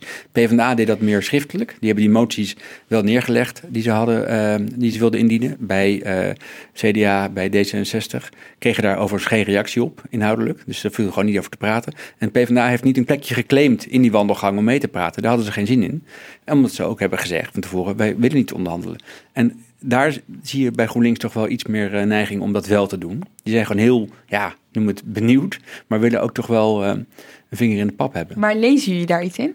Nou, zoals ik zei, ik denk dat het, dat het, dat het moet blijken nog de komende week in hoeverre deze houding van GroenLinks daadwerkelijk resulteert in een toenemende afstand tot de PvdA. Eh, dat, dat weten we niet. Misschien dat komende week. We hebben voorafgaand deze week ook gezien dat ze allebei zeiden: we willen niet onderhandelen over de begroting, dat moet maar in het debat gebeuren. We hebben ons wensenlijstje. Nou, daar zie je dat GroenLinks er dan... Ja, in hoeverre is de wandel, of zijn de, de achterkamertjes bij een debat ook onderdeel van het debat? Ik vind het te vroeg om te zeggen dat zij nu helemaal uit elkaar gespeeld zijn. Ja, en dat GroenLinks uh, nu een bepaalde bereidheid heeft getoond. Maar je zou misschien kunnen zeggen dat eerste tekenen zijn die daar uiteindelijk in zouden kunnen resulteren. Maar ja, dat weten we op dit moment gewoon niet. nou ja, nou, in die zin was het vorige week nog interessanter bij het debat over ehm, corona, dat ze eh, ook anders hebben gestemd over de coronapas. En dat uh, de coalitie ook uh, niet door had, dat, in ieder geval op dat dossier, ze niet samen één blok vormden. Uiteindelijk heeft de PvdA de stemming gered voor, voor Hugo de Jonge, die dat voorstel had gedaan. Op het laatste moment. Op het laatste moment. Uh, dus ja, ik probeer wel een lijstje bij te houden van uh, afwijkende stemgedrag van de twee. En zie je, is dat een lang lijstje? Nou, uh, ik ben ermee bezig. Ik kom er een keer, graag een keer op terug. Ik moet er, je nodigt jezelf uit voor een volgende aflevering. ik maak wel een Excel-bestandje. We zullen het in overweging nemen. Wat volgens mij interessant is, is dat je nu een beetje ziet gebeuren waar Rutte in het voorjaar zij tegen te willen waarschuwen. Dus dat je enerzijds een, wat hij dan het brede politieke midden noemt. En anderzijds dertien andere fracties die er eigenlijk buiten staan. Dus je hebt zes partijen, of de afgelopen week dan vijf partijen eigenlijk, die met elkaar wel willen praten, die een bereidheid hebben om met elkaar te praten, die elkaar uitnodigen voor gesprekken. En dertien fracties die er eigenlijk buiten staan. Geert Wilders die dat ook zei. Van, nou, ik, ben het wel, ik ga wel voorstemmen, want ik ben het mee eens. Maar ja, jullie hadden mij ook kunnen bellen. De SP die niet gebeld is. Een uh, aantal andere partijen die dat misschien best hadden gewild. Dat is wel interessant om te zien. Want je ziet dus een, een soort scheidslijn ontstaan tussen een politiek midden dat met elkaar praat. En dat misschien wel met elkaar gaat regeren. En een hele groep partijen die er eigenlijk buiten staat die misschien best inhoudelijk, hè, dat hebben we vorig jaar ook gezien, of eerder dit jaar met stikstof en de SP, uh, mee zou kunnen praten op deelonderwerpen maar die er eigenlijk niet tussen komt. dus dan wordt de vraag, stel we gaan nu richting een minderheidscoalitie. Wat worden dan de partijen eh, waarmee gesproken gaat worden? PvdA GroenLinks willen geen gedoogakkoord. Uh, maar wordt GroenLinks dan wel een soort loyale oppositie waarvan de coalitie weet dat ze zaken mee kunnen doen. Uh, en de facto een minderheidspartner. Ze hadden zich in ieder geval voorgenomen, die twee partijen, van uh, nou, dit gaan, wij, dit gaan wij gebruiken, deze APB, om ja. te laten zien. Nou, zo'n minderheidskabinet, dat is duur. Dat gaat jullie veel geld kosten om ons ook te, mm. te, te voor ja, de ruimte geven om ons ideeën te delen. En het wordt moeilijk. Ja, precies. Uh, met met uh, als conclusie dan, als suggestie, een meerderheidskabinet is voor iedereen uh, het beste. is makkelijker. Ja. En Klaver noemde dan zelfs een, een zespartijencoalitie. hij noemde nog natuurlijk. en de ChristenUnie, vriend Gert-Jan Zegers. Uh, dus uh, zij wilden laten zien, wij, wij zijn bereid om, uh, om mee te doen en te denken, maar het, is, het kost heel veel geld. De VVD en CDA kunnen beter toch kiezen voor de optie die ze hebben afgesloten in eerste instantie. Maar een zespartijencoalitie, dan, dan heb je dus echt een scheidslijn tussen het brede politieke midden dat met elkaar regeert en ja. alles met elkaar aftikt, afhamert, hoe noem je dat? Anyway, ja. Uh, en 13 partijen die er eigenlijk buiten staan. En 13 partijen waarvan een aantal, hè, daar is deze week ook best wat over gegaan, over vertrouwen van burgers. Mm -hmm een aantal van die 13 partijen die vertegenwoordigen de groep burgers die afdreigt te haken, al af is gehaakt, die politiek wantrouwt toenemend. Dus de vraag is ook welke brug sla je naar die kiezers als je met zes partijen, zes middenpartijen uiteindelijk met elkaar alles bedisselt. Ja, daar heb ik daarvoor niet over gehoord. En Bloemen ook niet. Dat is een goed punt. Uh, uh, kijk, zij zijn natuurlijk ook bang in een minderheidscoalitie uh, met een rechtsmeerderheid in het parlement. Dan, gaat, dan gaan er weinig progressieve linkse um, maatregelen door. Dat zag je donderdagavond ook al wel, hè? De motie van Joost Eertmans over het Deense migratiemodel die aangenomen is. Dat is best interessant wat er ja. gebeurde. Motie van Bart van Kent van de SP en de ChristenUnie over het onderzoeken van reguleren van arbeidsmigratie. Ook aangenomen. Dus je ziet dat er in een minderheids constellatie verschillende meerderheden mogelijk ja. zijn op deelonderwerpen. En de vraag wordt of een minderheidskabinet waar D66 bijvoorbeeld in zit, tevreden zou zijn of dat wil laten gebeuren. En de vraag is even goed of het CDA zou willen laten gebeuren dat er op klimaat, uh, waar ook wel meerder, andere meerderheden te vinden is, uh, iets geregeld kan worden. Ja. Dank je wel. Dan geef ik het woord aan mevrouw Ouwehand van de Partij voor de Dieren. Inmiddels bij mij Jos Verlaan. En Jos, wij gaan het hebben over de Partij voor de Dieren. En dat rekenden wij tot voor kort tot uh, de kleine partijtjes. Maar inmiddels is het toch wel uh, een van de wat grotere partijen in de Kamer. Het is een uh, partij die in pakweg vijf jaar tijd van twee naar vijf... en vervolgens vier, maar vervolgens naar zes is gestegen. Numeriek doen ze dan mee in, in de flanken van het, van het middenveld... En als je dat ook nog vertaalt naar de jongste uh, opiniepeilingen, dan staat de partij inmiddels er beter voor dan pakweg een uh, CDA of ongeveer gelijk met uh, GroenLinks of de PvdA. Dus numeriek ja. doet de partij er in alle opzichten toe. En uh, partijleider Esther Ouwehand, die voerde het woord weer uh, bij de ja. uh, APB. Waar richtte zij zich op? Wat, wat, wat waren haar punten? Zij richtte zich primair op, op haar bestaansideologie. dat is klimaat en dierenwelzijn. En dat was tot nu toe altijd, ook bij algemene beschouwingen, was dat ook de hoofdfocus van de Partij van de Dieren. Hè? Of, of dat nou Esther Ouwehand was of is, of Marianne Thieme was. Maar de focus van Esther Ouwehand en dus ook de focus van de fractie in de Tweede Kamer is aanzienlijk verbreed. Uh, de partij doet gewoon voluit mee met de discussie over uh, de wooncrisis. Niet alleen in de Tweede Kamer, maar ook op straat als er gedemonstreerd moet worden. Zijn ze er manifest, dus het hoeft niet meer per se om dieren te gaan. En daar zit ook weer een verklaring achter, want de Partij van de Dieren heeft een verkiezingsprogramma waarin ze uh, de landbouwgrond, de agrarische grond in Nederland, goed deels wil laten verdwijnen om plaats te maken voor natuur, maar ook voor woningen. Dus het woondossier, het mensending om het zo maar uit te drukken, maakt integraal uh, onderdeel uit van uh, uh, waar de partij in de Tweede Kamer voor wil staan. Daar ja. waar de partij in het verleden een one-issue image had, die was niet altijd heel terecht, maar dat image had de partij wel. Daarin heeft Esther Ouwehand nu toch heel duidelijk laten zien dat de partij met haar speerpunten van wel eer en haar traditionele speerpunten, maar dat, dat de partij voor heel breed in het debat staat en meedoet. Het gaat ook over mensenonderwerpen, zullen we maar zeggen. Het gaat over mensenonderwerpen. Ja, de reden dat ooit Femke Merel van Koten Arissen uh, uit de partij stapt, omdat ze vond dat daar te weinig ruimte voor was. Ja, je kunt je afvragen of die kritiek van haar toen terecht was, of dat zich nu eh, manifesteert dat die partij altijd al iets meer is geweest dan alleen maar een uh, partierende partij puur sec. Wat mij opvalt aan Esther Ouwehand is dat zij vaak heel principieel is aan uh, de interruptiemicrofoon. Hè? Dus waar andere partijen het Rutte hebben vergeven wat er is gebeurd uh, zo uh, begin april hè, en uh, Omzichtgate en inmiddels zelfs met hem willen samenwerken, is um, Ouwehand samen met Marijnissen dus een van de laatste die nog ja, er steeds wel een punt van wil maken. Ja, Esther Ouwehand doet dat heel geprononceerd. Die heeft het over een rechtsstatelijke crisis waarvan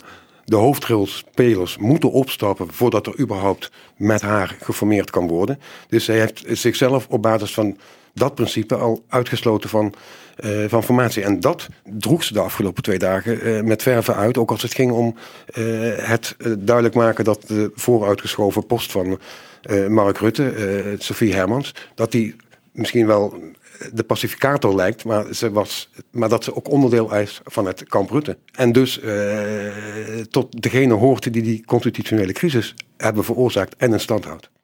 En als ik dan mevrouw Hermans, ik herhaal het nog een keertje, hoor zeggen dat ze graag trots wil zijn op dit parlement, dan vraag ik me af waarom kiest de VVD-fractie er dan voor om over die wooncrisis niet gewoon eerlijk toe te geven. Er zijn heel veel dingen verkeerd gedaan en dat kwam door de VVD.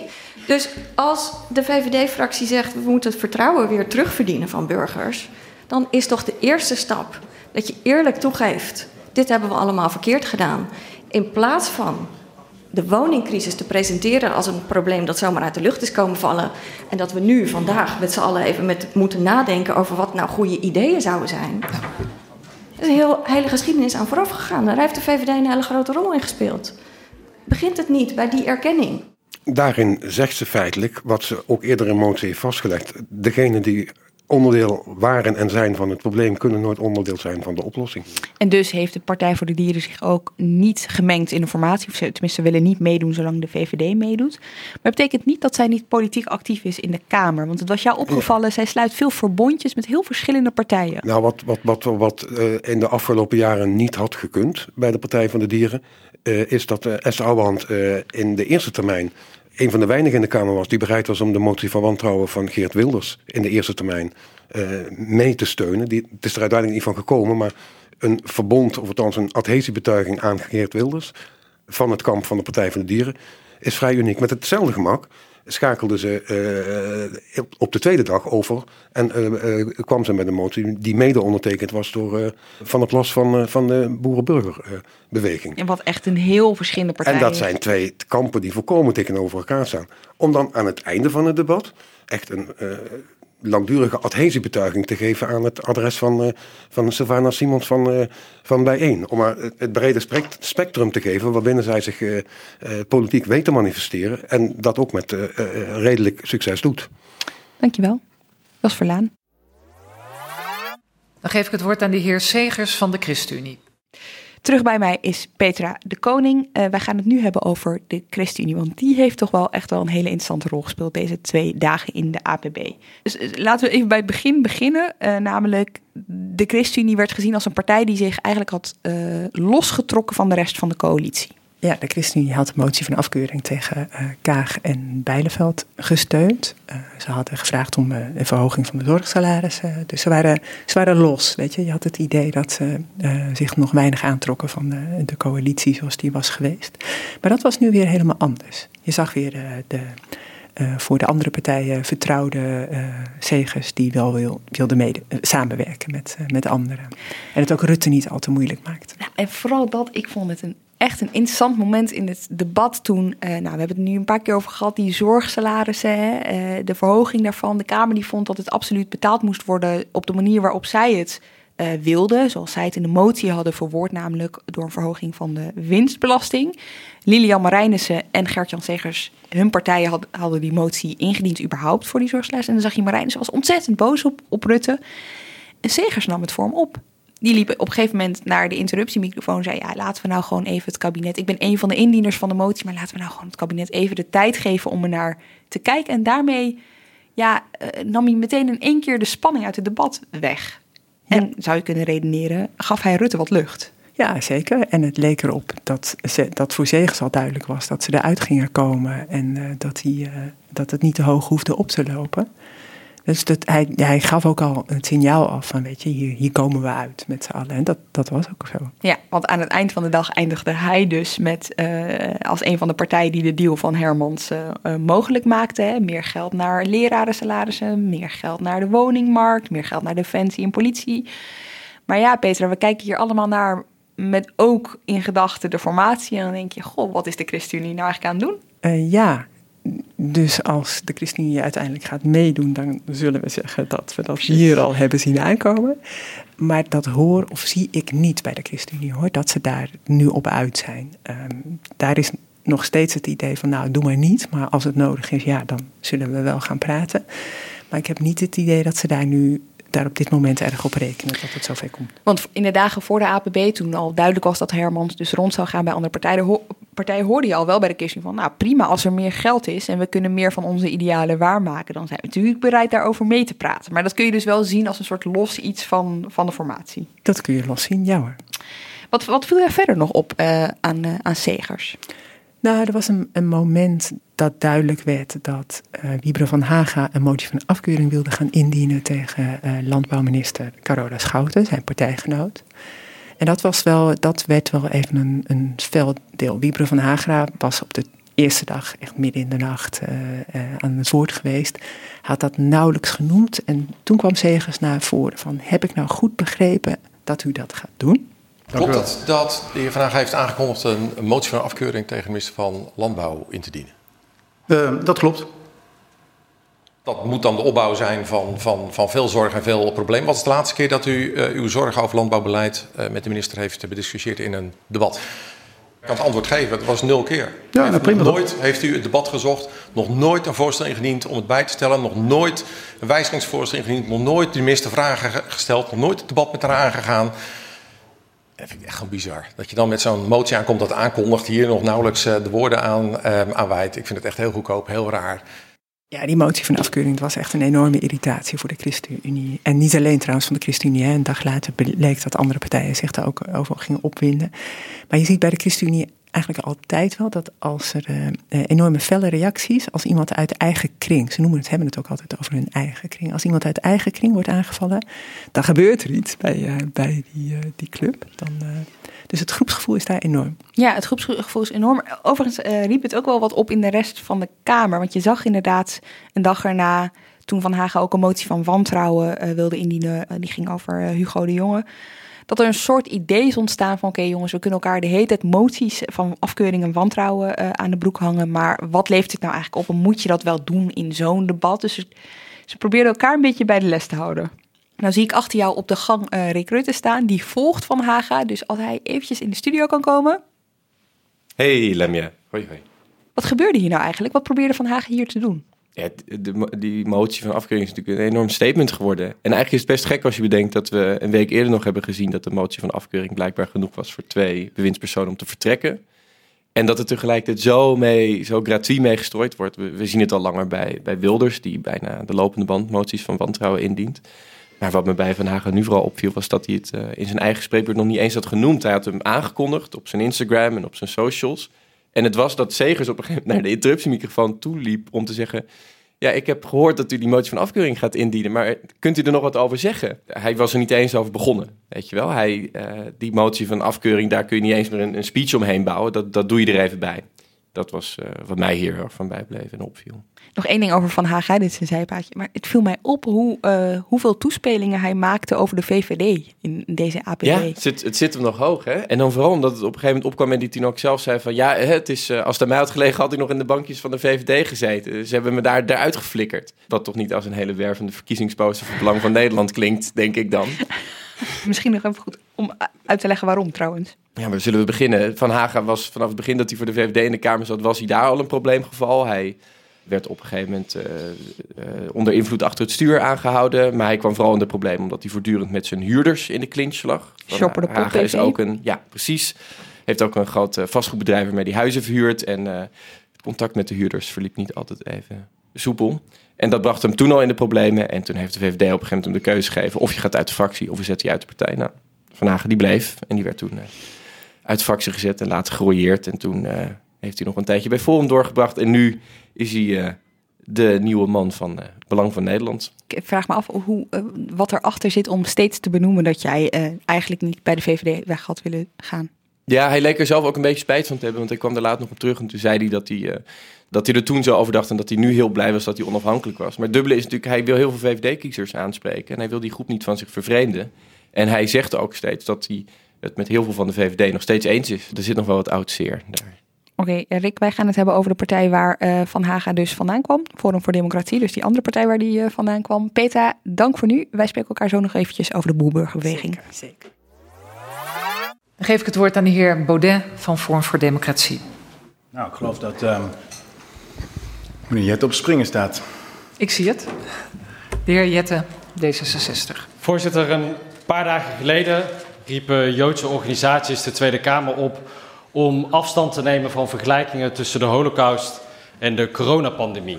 En na die oproep van Joodse organisaties heeft de heer Baudet een tweet de wereld ingeslikkerd. En in die tweet plaatste hij de Holocaust tussen aanhalingstekens.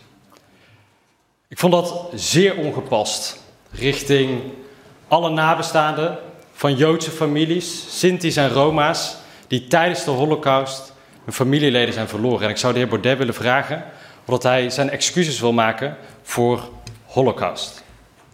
Ja, en voor de duidelijkheid, uh, wat Jette daar aan het einde zei, was uh, holocaust met uh, aanhalingstekens. Dat was namelijk wat Baudet in die tweet had gezegd. En het heeft echt voor heel veel verontwaardiging gezorgd. Hè? Ook hoe de manier waarop je, Baudet hier weer op inging. Hij maakte er gebruik van eigenlijk om zijn punt alleen maar meer kracht bij te zetten. Um, de fracties van D66 en GroenLinks verlieten hierna ook gewoon even de zaal, zolang Baudet aan het woord was. Wat zag jij? Wat gebeurde hier nou eigenlijk? Ja, eigenlijk was het. Uh, aan de ene kant zag je een, een, een, soort nieuwe heftigheid. Zeker ook door, uh, doordat het, de confrontatie zo, zo fel was en door het weglopen van die fracties. Tegelijkertijd was dit echt klassiek Thierry Baudet. Forum heeft natuurlijk echt al sinds uh, de, de afgelopen campagne het over weinig anders gehad dan over corona. En de laatste maanden zie je dat er ook st steeds vaker en vaker verwijzingen in zitten naar uh, de jodenvervolging, naar de holocaust, om het te hebben over het verschil tussen gevaccineerden en ongevaccineerden. Zij voelen zich of ze identificeren zich met de groep ongevaccineerden en ze blijven maar erop hameren dat dat eigenlijk niet anders is dan uh, wat we in de jaren 30 en 40 hebben gezien. En zo heeft Baudet dat ook letterlijk gezegd, de jaren 30 en 40. Kamerlid uh, Gideon van Meijeren die heeft het ook over hoe dit voor het eerst sinds de oorlog is dat er zo'n onderscheid wordt gemaakt. Je hebt Pepijn van Houwelingen, nog een FVD-Kamerlid die verwees naar. Hè, het lijkt wel weer alsof we het onderscheid hebben tussen mensen die niet op een bankje mogen zitten. Nou, dat is allemaal natiebeleid. Dat is allemaal ja, een vrij onversneden verwijzing naar uh, de Holocaust. En hoe meer partijen of uh, groepen van buiten de Kamer, zoals die Joodse organisaties, daar iets van zeggen, hoe meer dat Baudet eigenlijk triggert. Want wat zegt hij? Er wordt wel vaker naar de oorlog verwezen, er wordt wel vaker naar de Holocaust verwezen. En dan gaat het bijvoorbeeld over discussie over Europa of de rechtsstaat. Dus jullie doen dat ook en ik mag het niet van jullie. En dan gaat hij jennen, dan gaat hij erop hameren en dan gaat hij juist daar in die vlek wrijven. Wrijven, wrijven, wrijven, om maar zijn punt duidelijk te maken. Waarom? Want dat vraag ik me de hele tijd af als ik hem daar zie staan en, en boos zie worden en de Kamer tegen hem in het harnas jaagt. Denk ik, vindt hij dit echt? Denkt hij dat hij hiermee een groep bereikt? Wat, ik nee, weet niet zo goed een, heel groot deel ervan. Een heel, ja, dat, ja en, terecht, want het is ook, we kijken bijna naar een soort van vreemde gedachte-exercitie. En het is ook, wat hij, wat hij hier doet, is dat hij het feit dat er vaker naar de oorlog wordt verwezen, wat heel begrijpelijk is. En je kunt ook van alles zeggen over het onderscheid dat we maken tussen gevaccineerden en ongevaccineerden. Hij grijpt dat voortdurend aan om maar een punt te maken dat voor hem over iets heel anders gaat. Namelijk, ik mag iets niet zeggen en jullie wel. Waarbij hij er voorkomen aan voorbij gaat dat uh, de manier waarop hij daarnaar verwijst totaal anders is. Veel meer bagatelliserend van aard is. Dus in een reactie op deze, uh, op deze confrontatie met Rob en wat dat weer allemaal aan storm losmaakte, twitterde hij er later nog over. En wat hij zei was iets in de trant van... jullie claimen de oorlog, zei hij over Joodse organisaties... en dat jullie het nou over die specifieke gebeurtenis uit de oorlog... waar jullie zo in geïnteresseerd zijn alsof dat is wat die Joodse organisaties drijft. We weten natuurlijk mhm. allemaal dat, dat de holocaust veel meer is dan een specifieke gebeurtenis. Zoals Baudet ook zegt, oh ja, ik zet de holocaust alleen maar tussen aanhalingstekens... omdat jullie beweerden dat we daarnaar verwezen. En dan ontkent hij dat hij dat zelf heeft gedaan. En dan doet hij alsof hij niet weet dat uh, voor tal van antisemitische groepen... het uh, schering en inslag is om uh, Joodse groepen... Joodse mensen de holocaust tussen aanhalingstekens te zetten om om dat te bagatelliseren of om het ronduit te ontkennen. Want ik had net met uh, Guus en Petra al eventjes over Wilders en hoe hij zich eigenlijk altijd een strategie heeft van buitensluiting, weet je wel, waar, waarin hij zichzelf eigenlijk buiten de rest van het, van parlement plaatst. Nou, daar lijkt, dat lijkt klein bier met wat Baudet aan het doen is. Wat is zijn endgame? Wat, waar, waar, want ieder, bij ieder debat denk ik, oh ja, hij heeft weer een grens opgezocht en hij heeft zich nog meer verwijderd van de rest van de Kamer. De vraag is hoe lang. Ja, en het is ook, het is ook een soort. Dat is ook precies de, de inzet. Er, het is enorm je afzetten tegen de rest. En, uh, Met wat als doel? En klagen. De, het doel wat hij bij zo'n wat, wat hij bij zo'n specifieke uitspraak heeft, dat kan ik je moeilijk vertellen. Maar wat, wat altijd goed is om hierbij te bedenken, is dat we het niet kan laten om te benadrukken dat hij dit niet zo gezegd heeft. Of dat wij het allemaal maar zo interpreteren.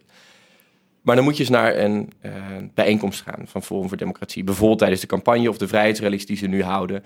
Daar lopen voortdurend mensen rond die geloven in de grootste complotten. Van Soros tot de Rockefellers. En heel vaak gaat het dan over uh, Joodse groepen die aan de touwtjes zouden trekken. Totale onzin. Al die mensen die daar naar Baudet staan te luisteren... hebben aan het eind nooit het idee dat die ideeën zijn ontkracht. Die hebben alleen maar het idee dat ze erin bevestigd zijn. En dat weet Baudet ook donders goed. En dat weet hij donders goed als hij dit soort referenties en verwijzingen maakt. En dan zou je hem dan moeilijk op zijn letterlijke woorden kunnen pakken het is niet heel moeilijk om te zien uh, waarom die al die groepen een vrijbrief geeft om, uh, uh, om zich bevestigd te voelen in hun ideeën. En goed, je ziet dat de rest van de Kamer er op een bepaalde manier op reageert, het, het volledig afwijst. Maar wie spreekt Baudet hier wel mee aan? Ja, je zag dat heel duidelijk. Je zag behalve D66 en GroenLinks die wegliepen ook dat iemand als minister Hugo de Jonge, die draaide zich om. Die gaf eigenlijk de hele tijd liet hij zijn rug zien aan Baudet. En inmiddels, het is al wat langer duidelijk dat de weg naar uh, eh, FVD als grootste partij totaal afgesloten is. Ze marginaliseren zich hier steeds verder mee. Je vraagt je af of er van de vijf Kamerleden die er nu nog bij de partij zitten, misschien nog iemand uh, op een gegeven moment gaat vertrekken. Uh, en qua aanhang wordt het voor heel veel mensen die niet dit als een ja, toch antisemitisch verhaal zien, wel steeds moeilijker om uit te leggen waarom zij nog op die partij blijven stemmen. Dankjewel, Rick Rutte. En daarmee hebben we de tien grote of grootste, het is maar even hoe je het bekijkt, partijen gehad. We hebben er nog negen, want er zijn 19 fracties. Dus het is een soort uh, grens. Hierna komen de kleintjes. En daarvoor heb ik een hele groep aan redacteuren nodig. Want er zijn een heleboel kleine partijen. Die komen nu binnen. Dan geef ik het woord uh, aan de heer Dassen van Volt voor zijn bijdrage. Eertmans van Ja21. Heer Van der Staaij van de SGP. Asserkan van Denk van de fractie Den Haan. Van BBB bij 1 van de groep van Hagen. Dan ga ik tot slot naar de heer Omtzigt voor zijn bijdrage. Ja, we gaan ze allemaal bespreken. Rick volgt Ja21 en de groep van Haga. Pim de SGP, Guus, Denk en bij 1. Jos volgt fractie Den Haan. Petra volgt de Boer-Burgerbeweging. Hallo allemaal welkom. En dan heb ik uh, één nieuw gezicht deze aflevering. Voor het eerst bij Haagse Zaken, Romy ten Velde. Jij volgt uh, Volt voor de krant en dus ook de afgelopen dagen tijdens de APB. Wat viel jou op? Ja, dat was natuurlijk de, de eerste APB van, uh, van Volt, van, uh, van Laurens Dassen, fractievoorzitter. En hij vertelde wel echt het Volt-verhaal. Uh, sterk gericht op Europa. hij haalde ook andere Europese landen aan, wat we van die andere landen zouden kunnen leren. En hij had ook heel erg over hoe we konden samenwerken met die landen. Dus echt het Europese Volt-verhaal kwam naar voren. En hij zelf, hoe deed hij het? Uh, je zag wel dat hij een stuk meer ontspannen was dan in de, in de eerste debatten. Hij had natuurlijk die grote debatten uh, toen hij net, uh, net aantrad in, in de Kamer. Ja, toen had je echt die formatiedebatten. Iedereen was bezig met elkaar en ruzie aan het maken met elkaar. En hij kwam altijd een beetje onwennig over. Ja, ja je zag wel dat hij nu veel meer zijn, zijn plek had gevonden in de Kamer als, als fractievoorzitter. Ja, je zag, dat zag je ook omdat hij een beetje aan het samenwerken was. Tenminste, als je vanaf de perstribune naar beneden zat te kijken... dan zag je dat Laurens Dassen over moties. zat af en toe een praatje te maken. Dus hij had iets meer, ja, iets meer zijn plek gevonden. Ja, je zag ook wel dat hij iets meer, uh, iets meer zelfverzekerd was. Hij ging bijvoorbeeld ook in, uh, in tegen Wilders. En uh, hij zei in zijn eigen betoog, haalde hij ook nog even het gedoe aan met Baudet. Dus je zag wel dat hij steeds meer naar voren kwam en steeds meer zijn plek heeft gevonden. Ja, maar toch niet helemaal succesvol. Want zo'n zo'n interruptie bij Wilders slaat dan op een gegeven moment op een bepaalde manier ook wel een beetje dood. Dus je merkt ook dat hij nog niet helemaal geoefend is. Nee, nee, hij was wel redelijk afwezig uh, tijdens de APB. Uh, eh, dat zag je wel, maar ja, het, het komt steeds meer, uh, steeds meer naar voren. En um, zag je ook in de manier waarop hij zich gedroeg, want we kijken natuurlijk ook een beetje met de formatiebril naar zo'n APB. En over Volt wordt nog wel eens gesproken van, goh, zou die nog wel eens gesprekken willen voeren of niet? Met die bril op, wat zag je? Hij heeft al een paar keer gezegd, ook bij BNR bijvoorbeeld, dat hij absoluut dat ze niet in mee gaan regeren. Volt stapt niet in de coalitie. Maar ze willen wel meedenken. Dus ze zijn wel constructief. Ze willen wel goede voorstellen die, die bij Volt passen. Die willen ze wel steunen. En dat zag je ook wel, uh, wel terug in de, in de APB. Maar waar hij vooral op hamerde was dat Europese corona-herstelfonds van, uh, van 5,8 miljard, volgens mij dat wilden ze echt, echt gebruiken. Want je had natuurlijk over die, die miljard van Hermans die dan te verdelen zou vallen. En hij hamerde, zowel bij Hermans als bij Jette, hamerde hij er op van... goh, we hebben dat geld ook nog liggen. Wat gaan we daarmee doen? Dat moeten we nog invullen. Daar was hij heel erg mee bezig van... goh, kunnen wij praten? Kunnen wij een, een dealtje maken? Uh, kunnen we dat plan invullen en naar Brussel sturen? Maar hij wil dus wel graag praten met zowel D66 als met de VVD. Ja, dat wordt dus straks, uh, als we een beetje vooruit gaan kijken, als het zou komen tot een minderheidskabinet, dan kunnen ze in ieder geval oprekenen dat Volt dus wel een beetje mee gaat bewegen om te kijken wat zij binnen kunnen krijgen. Ja, ja dat, uh, dat zag je wel. Hij wilde wel echt meedenken. Uh, alleen niet officieel meedoen. Dankjewel, Romy. En dan gaan we nu het rijtje af. Eigenlijk zoals de afgelopen weken, of dagen, wacht even, het voelde als weken, maar het waren dagen, is gegaan. Er zijn niet genoeg microfoons voor iedereen, dus maak een beetje ruimte voor elkaar en uh, gun elkaar de microfoon. En dan beginnen we met uh, Rick. Wat viel op bij uh, Ja 21? Ja, Ja 21 zit een beetje in hetzelfde pakket als Van Haga. Het is trouwens de groep Van Haga, dat moeten we niet vergeten. Hè. We hebben de groep Van Haga, het lid Omzicht en de fractie Den Haan. Dat kunnen we ze makkelijk uit elkaar houden. En net als Van Hagen zie je bij Ja21 dat zij heel erg worstelen om zich eigenlijk een soort profiel te geven. Want zij komen uit datzelfde moeras van partijen. Dat, ja, waar, zitten zij nou eigenlijk? Ze komen voort uit Vorm voor Democratie. Ze proberen zich een plek te geven aan de rechterkant van het spectrum, rechts van de VVD. En dan proberen ze zich vaak nog wat milder op te stellen dan de PV. Maar waar zit je dan precies? Wat betekent dat? Bij Van Hagen zag je dat hij nog enorm aan het zoeken was naar die rol.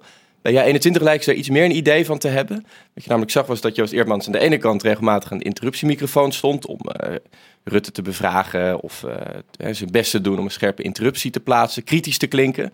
Maar als je dan hun Twitter-feed volgde de afgelopen dagen, dan zag je dat ze het ene na het andere uh, groene vinkje plaatsten met stemmingsuitslagen om maar te laten zien van dit hebben wij gedaan. Dankzij ons komt er onderzoek naar misschien wel een, een, een extra kernreactor. Kijk eens, dankzij ons komt er geld bij voor die en die groepen. Bijvoorbeeld dat extra geld voor uh, defensie en uh, voor het verlagen van de energierekening. Dat claimden ze maar meteen als, hey, dat hebben wij gedaan. En dan konden ze inderdaad linken naar een filmpje waarin Eertmans daarover stond te praten. Ja. Dus zij zoeken heel erg naar die positie. Ja, en je, je kunt je wel voorstellen waarom. Als je voortkomt uit Forum voor Democratie, dan heb je uh, nog wel wat uit te leggen. En zij proberen heel erg te laten zien: nee, wij zijn salonveeg, wij willen meedoen, wij kunnen ook meedoen. En kijk eens wat voor resultaten we allemaal binnenslepen. Als je op ons stemt, dan is dat geen verloren stem. Over dat profileren gesproken, het valt mij aan Eertmans op dat hij uh, heel vaak terugkomt, ook in interrupties, maar ook in zijn eigen bijdrage op migratie. Hij wil daar nog steeds wel een thema van maken, waar dat in de rest van de Kamer een beetje weg is geëpt. En in zijn interrupties, vooral bij het CDA bijvoorbeeld, hè, dan probeert hij erachter te komen: goh, jullie waren toch een stuk strenger op migratie dan jullie nu doen voorkomen. ja, precies. Ja, ja, en hij kan, het, hij kan het weten. Rutte die verwezen nog naar dat Eerdman zelf een verleden bij het CDA heeft gehad. Dus hij, het vreemde van Eerdman is natuurlijk ook een beetje dat hij niet lang in de Kamer zit, maar al veel eerder wel in de Kamer heeft gezeten. Hij is tegelijkertijd een soort nieuwkomer en een, en een vedette in de Kamer, omdat hij eerder voor de LPF alles in de Tweede Kamer heeft gezeten migratie is bij een punt waarop zij denken zich te kunnen onderscheiden. Omdat je daar heel erg voor ja 21 in afval, dat is een idee. Uh, een soort plekje kan aanmeten waarbij je veel feller bent dan bijvoorbeeld een CDA en een VVD. En tegelijkertijd niet klinkt als de, als de VVD. Dus je zegt, uh, we willen een Deens asielsysteem. We willen mensen gecontroleerd uh, binnenlaten of misschien opvangen in de regio. Nou, dat soort termen. Vervolgens werp je CDA en VVD voor dat, dat zij geen enkel grensbeleid voeren. Nou, dat is niet helemaal waar, maar dan kun je dat wel formuleren. En daarmee probeer je heel erg een middenweg te, te geven. Dus het is bij uitstek een thema waarop je kan laten zien... hey, kijk, hier zitten wij precies tussen die partijen in. Stem op ons en dan laten wij het een beetje meer die kant op bewegen zonder dat wij nou een PVV zijn. Maar het interessante is dat hij dit dus tot een thema probeert te maken in een Kamer die eigenlijk met andere onderwerpen uh, bezig is. En dat uh, was mooi te zien in een interruptiedebatje met uh, Rutte, waarin Eerpmans Rutte probeerde te ontlokken dat er een crisis was met vluchtelingen, met asielzoekers die zich hier in Nederland melden. En Rutte die daar absoluut niet in mee wilde gaan. Ja, helemaal. En, een beetje late to the party is hij eigenlijk. Het voelt toch een beetje als iedereen heeft het jarenlang, elke algemene beschouwingen ook over immigratie gehad. En nu komt Joost Eertmans en die wilde ook nog het over zeggen. En de rest die is eigenlijk al, die is al klaar. Weet je? Die heeft het nu over hele andere dingen. Die heeft het over wonen en over zorgsalarissen. En Eermans die staat daar dan af en toe nog aan de interruptiemicrofoon. Maar, maar, maar jongens, we zouden het toch over migratie hebben? Dat is een beetje het gevoel dat je ervan kreeg. Nog eventjes over de formatie, want met die blik keken we natuurlijk ook eh, naar de APB. Het viel mij op dat Eertmans op een gegeven moment heel duidelijk zei... dit kabinet is links de sloot ingereden, moet er rechts weer uit. En ja, 21 wil meedoen en het liefst nu. Ik dacht, nou duidelijker kan je niet maken dat je heel graag toch nog even gebeld wil worden. Ze staan, ze staan te popelen. Sterker nog, er werd op een gegeven moment, uh, ging op Twitter het, de gedachte rond van, daar hebben hier nu de oude coalitiepartijen hebben hier een deeltje beklonken. En rechts staat buiten spel. En toen werd daarop gereageerd vanuit jaar 21 van nee, nee, wij hebben wel meegedaan. Kijk maar naar die energierekening, kijk maar naar Defensie. Dus zij, zij willen zich bijna presenteren als die partij die in de, in de wandelgangen achter de schermen ook mee zit te bedisselen en mee zit te wheelen en dealen. Want zij willen heel graag die partij zijn die op rechts zit, maar, die ook mee kan doen. Maar het ging wel heel knullig, Rick. Want Sofie Hermans had Eerdmans gebeld en die had het nummer niet herkend. En die had het toen weggelegd en toen had ze niet geappt. En toen dacht hij, nou laat maar. En toen, dus het was ook niet... Wat? Ja, dat was allemaal gebeurd in, de, in het weekend. Dus het, het, heel erg van een leien dakje ging dat ook dan weer niet. Dat nee, nee ze, ja, ze, ze, willen heel graag meedoen. Dat, dat, is, dat is duidelijk. Maar het gaat nog niet van een leien. Dankjewel. Pim, jij volgt ook de SGP. En um, nou is uh, partijleider uh, Kees van der Stij al, uh, nou ja, hoe lang loopt hij al mee? Elf jaar? Twaalf jaar? Ja, zoiets. En uh, hij staat er onbekend. Altijd een van de laatste diep in de avond tijdens de APB. Dan neemt hij iets mee om de aandacht te trekken. Een, een attribuut. Maar dit keer heeft hij dat niet gedaan. Nee, nee, uh, dit keer was het niet nodig. Want Kees van der Staaij uh, kon bij zijn inbreng uh, eigenlijk verwijzen naar de, de achtergrond die, die, die zichtbaar was. Hè, de, het nieuwe kunstwerk aan de muur van de plenaire zaal, de keien. En nou, dat symboliseerde ook iets wat hij in zijn toespraak wilde benoemen, namelijk het, het Bijbelse verhaal van David en Goliath. Hè, waar David natuurlijk met een, nou ja, het is eigenlijk een kiezelsteen, maar goed, een kei ook een keitje. Uh, Goliath weet, weet uit te schakelen. dus ja, hij had ergens het, goed voor. Precies. Hij hoefde dit keer geen uh, stenen zelf mee te nemen. En in zijn inhoudelijke verhaal, waar ging zijn bijdrage over? Wat wilde hij vertellen? Nou, uh, je merkte dat uh, hij dit keer heel erg um, ook wel waarschuwde voor een soort van de, de almachtige overheid. Hè? Dus de SGP is, is altijd wel bereid natuurlijk om constructief met het kabinet samen te werken. En misschien wel in beeld om, om het een nieuw kabinet ook wel weer te gedogen op bepaalde punten. Maar Van der Staaij waarschuwde ook wel van... Uh, Goliath stond eigenlijk symbool voor de, nou ja, uh, een, een, een vorst die niet goed omgaat met, met, met zijn, zijn onderdanen. En hij uh, betrok dat ook wel op de coronacrisis. Um, door te zeggen van, uh, nou ja, hè, kijk uit uh, dat de overheid niet mensen, de bewegingsvrijheid van mensen heel erg gaat beperken. En niet, ja, dat, die, dat die er ook voor alle mensen blijft, de overheid. En daar, nou ja, daar doelde, doelde hij natuurlijk op de behandeling van niet-gevaccineerden. De coronapas die nu, die nu wordt ingevoerd. En daar heeft ja, de SGP gewoon heel veel moeite mee. Um, ze waren ook tegen? Ja, daar hebben ze ook tegen gestemd. Uh, dus nou ja, daar waarschuwden ze het kabinet ook wel echt voor. En de formatie, ik bedoel, uh, maakte Van der Stijn nog toespelingen? Nou, hij, um, hoewel hij dus hè, hier echt ontevreden over was, over die, die coronapas, was hij verder wel uh, ook echt in, uh, bezig om zijn eigen punten te maken en ook om de begroting nog te, te, beïnvloeden. En dat zag je eigenlijk het beste terug bij het extra geld voor defensie en ook wel veiligheid. Daar had hij echt op gehamerd, ook in zijn inbreng. En uh, nou, hij was dus ook blij dat dat uiteindelijk uh, werd toegevoegd nog uh, aan de begroting. Ja, van der Staaij is toch ook altijd een beetje, ja, hoe zul je dat zeggen, de staatsrechtelijke vader van de Tweede Kamer, waar vaak naar gekeken wordt ook, hè, als, als even iets moet worden uitgezocht, staatsrechtelijk gezien. Heeft hij nog iets gezegd over ja, deze toch wel wat gekke formatie? Absoluut. Hij begon zijn uh, inbreng uh, eigenlijk met een soort uh, ja, standje toch wel voor de partijen die nu aan het onderhandelen zijn. Hij zei, hij zei van het is nu toch echt wel tijd om, om voortgang te maken en niet te, niet te talmen. En om met gezwinde spoed constructieve stappen te zetten. Dus dat was uh, nou, vadertje van de staat. Ja, dankjewel Pim. Oké okay, Guus, jij uh, hebt uh, deze APB gekeken naar Denk en Bijeen, behalve ja. de PVV. Je hebt zeg maar de uiterste uitgezocht om, om te volgen. Laten we het eerst even hebben over Denk. Wat viel je op? Nou, het eerste was wat mij opviel aan uh, Farid Azarkan, de fractievoorzitter van Denk. Ze hebben maar drie zetels. Kleine partij, kleine linkse partij in de Tweede Kamer. Was dat hij ongelooflijk actief was. Een ongelooflijk uh, ijverig Kamerlid in de zin van voortdurend interrumperen, voortdurend uh, het debat opzoeken. Dat viel me als eerste op. Het tweede wat me opviel was dat hij zijn toespraak, zijn, zijn eerste termijn op woensdag, heel autobiografisch maakte. Het was bijna een, um, een levensverhaal, maakte hij ervan. Hij vertelde over zijn uh, familie, uh, hoe hij als kind van een uh, gastarbeidergezin in een heel, een heel slechte woning in Schoonhoven terecht was gekomen, waar zijn, waar zijn vader werkte. En hoe ze daar geen elektriciteit hadden, hun huis niet verwarmd kon worden. En hoe die vader probeerde om een betere woning te krijgen. En die vader ging daar, uh, schreef al instanties aan, het lukte allemaal niet. En toen ging hij naar, de, uh, naar het gemeentehuis toe en zei: Ik ga niet weg voordat dit probleem is opgelost. En hij verbond daar twee conclusies aan. Ten eerste, er is een enorm woningprobleem in Nederland. En het tweede is, je krijgt niks cadeau in Nederland. Uh, zeker niet als, als, als migrant of als kind van migranten. En daar moet je dus voor vechten. Dus hij maakte daarmee een heel slim, vond ik, uh, duidelijk waar hij stond. Hij begon ook, hij heeft het hele debat ook, is voortdurend op die woningmarkt, op de woningbouw teruggekomen, volkshuisvesting. En daar bleef hij voortdurend op terugkomen. Dat was duidelijk de rode lijn. Hij uh, was ook een van de weinige Kamerleden die voortdurend het debat met Wilders opzocht. Heel veel Kamerleden doen dat niet heel graag meer of doen het wat plichtmatig. Als er kan bleven doen, dat viel me op. En wat hij ook heel erg deed was eigenlijk de linkse uh, broeder en zuster, uh, Lilianne Ploemen en uh, Jesse Klaver, de hele tijd bij de les houden. Van ho ho, jullie zitten je, je linkse idealen te verkwanselen. Oh ja, um, hoe, hoe dan? Nou, door ze, door ze er heel erg op aan te spreken dat zij dus heel erg die samenwerking zochten. En dat ook wel bereid waren dat spel mee te spelen.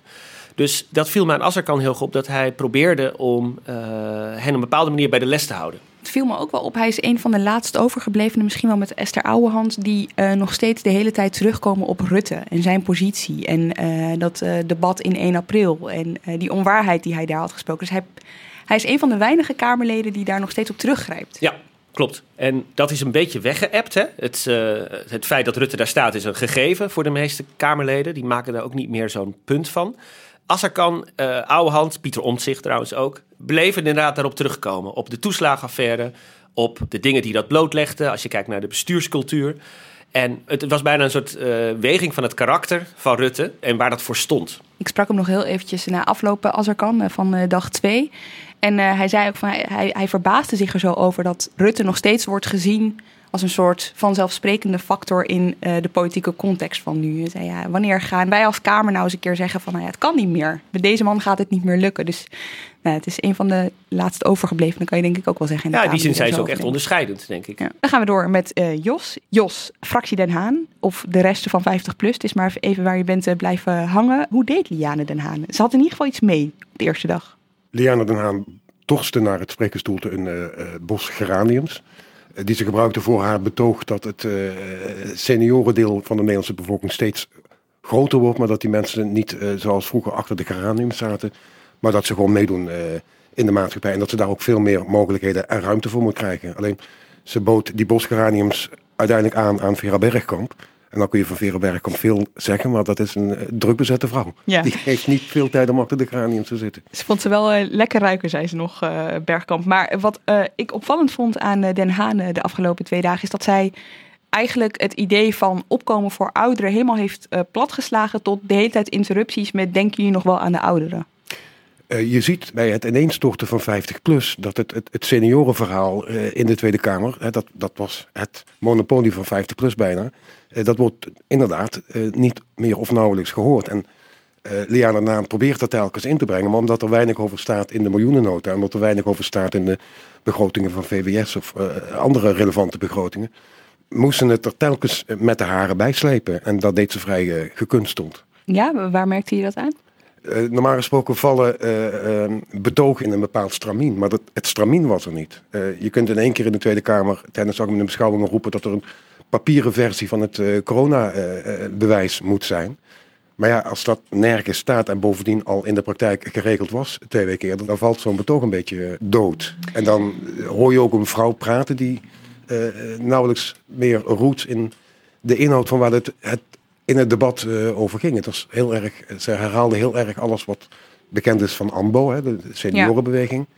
Nou, wat je eigenlijk kon zien is dat het authentieke 50-plus verhaal, wat toch tien jaar lang uh, iedere keer een rol heeft gespeeld in de debatten, dat is weg. Er zit een vrouw zonder partij en zonder natuurlijke achterban. En die ook niet echt weet, ik sprak haar voor de zomer, was er een speeddate ergens in Nieuwsport met nieuwe Kamerleden. En daar vertelde ze dat ze eigenlijk nog niet echt wist of ze het nou leuk vond of niet. Of ze nou echt op haar plek was in de Kamer of niet. En ik vraag me wel af, zie jij dat? En zie je bijvoorbeeld dat ze wel een beetje aansluiting zoekt bij andere partijen? Zie je haar samenwerken met andere partijen? Uh, je ziet daar af en toe moties indienen waarvan ze weet dat daar steun voor is. En dat het obligate moties zijn.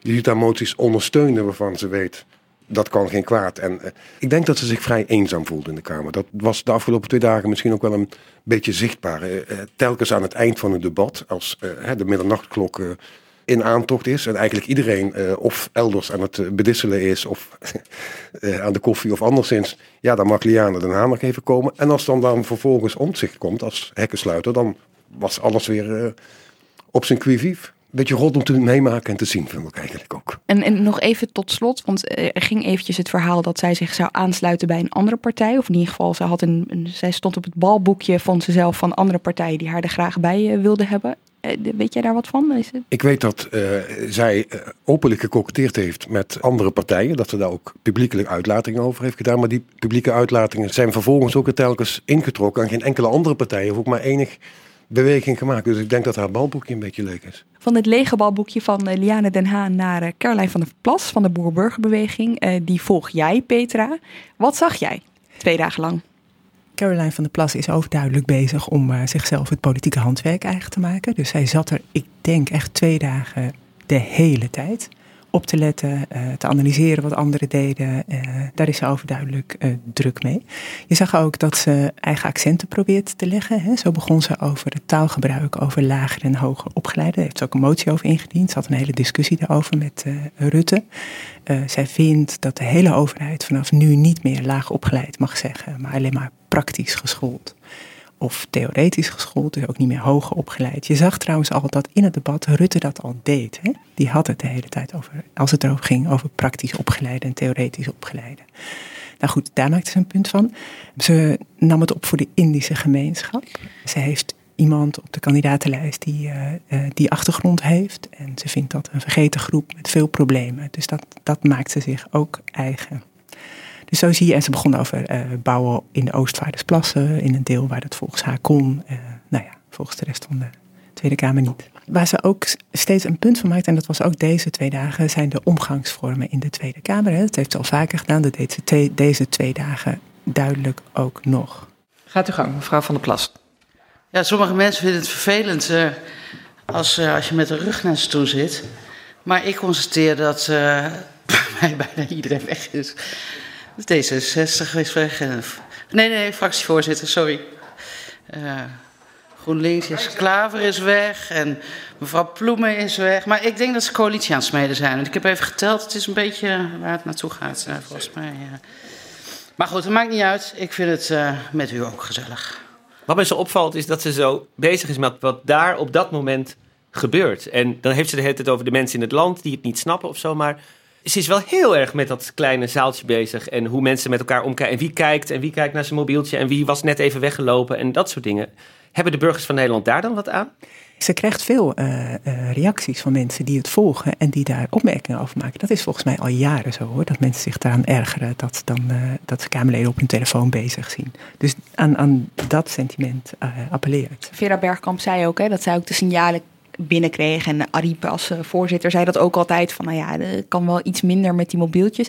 Ik heb wel het idee inderdaad dat zij vaak ook wel kijkt wat er leeft op sociale media en dat eigenlijk bijna direct vertaalt naar wat er gebeurt in de zaal van de Tweede Kamer. Daar bijna ongefilterd, zal ik maar zeggen. Dus dat, dat gaat meteen door. Ja, het was nogal een, een, een grappig moment, want eerder op de dag uh, begon ze aan de interruptiemicrofoon over, hè, dat iedereen op zijn telefoon zat. En achter haar zag je Pieter Heerma van het CDA en die zat druk op zijn telefoon. En het duurde echt een hele tijd voordat hij doorhad dat hij steeds in beeld was, terwijl het over dat onderwerp ging. Dus op een gegeven moment zag je hem uh, snel legde die het toen opzij. Had iemand hem geappt van uh, je ja. bent in beeld. Ja. Man, leg het ding ja. weg. viel me nog één ding op aan uh, Caroline van der Plas. en dat sluit hier ook wel een beetje op aan. Er was een moment waarin het ging over de woningmarkt. Of volkshuisvesting zoals ze dat in de Kamer tegenwoordig allemaal noemen. En Wieberen van Haga werd aangesproken van de fractie van Haga. hij werd huisjesmelker genoemd. Hij bezit een aantal panden door Jesse Klaver. En daar ging een aantal Kamerleden in mee. Hè, van uh, je kunt maar beter gaan zitten, want uh, je bent nu voor jezelf aan het opkomen. Ga maar gewoon zitten, zei Klaver de hete tegen hem. Een stuk later in het debat kwam Caroline van der Plas dus naar de interruptiemicrofoon om het voor hem op te nemen.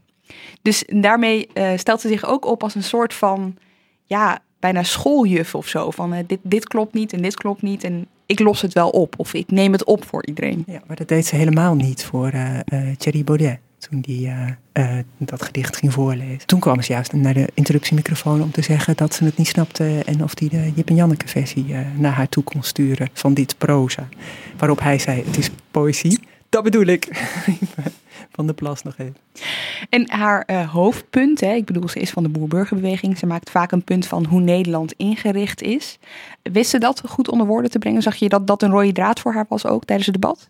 Ja hoor, daar ging het wel de hele tijd over. Ja, dat de, het opkomen voor de boeren, eh, dat, dat de veestapel eh, absoluut niet gehalveerd moest worden. Weet je, daar heeft ze ook nog een motie over ingediend. Dus dat, daar is uh, boodschap vast, zeker. Jij volgt ook uh, bijeen, uh, Guus, Sylvana Simons, voor haar de eerste APB. Hoe heeft het gedaan? Nou, wat ik net zei over Azarkan, dat hij zo actief was. Tegenovergestelde viel me eigenlijk op aan Sylvana Simons. Ik vond haar juist opvallend afwezig in deze, deze algemene politieke beschouwingen. Weet niet zo goed waar het aan lag. Maar zij leek zeker op die woensdag, maar ook wel die donderdag... eigenlijk niet zo heel erg deel te willen nemen aan het debat. Dat viel mij in de eerste plaats op. Wat wel zo was, was dat ze op uh, donderdag een interruptie plaatste die heel lang was. Ik denk dat ze wel nou, vijf tot zeven minuten aan het woord was.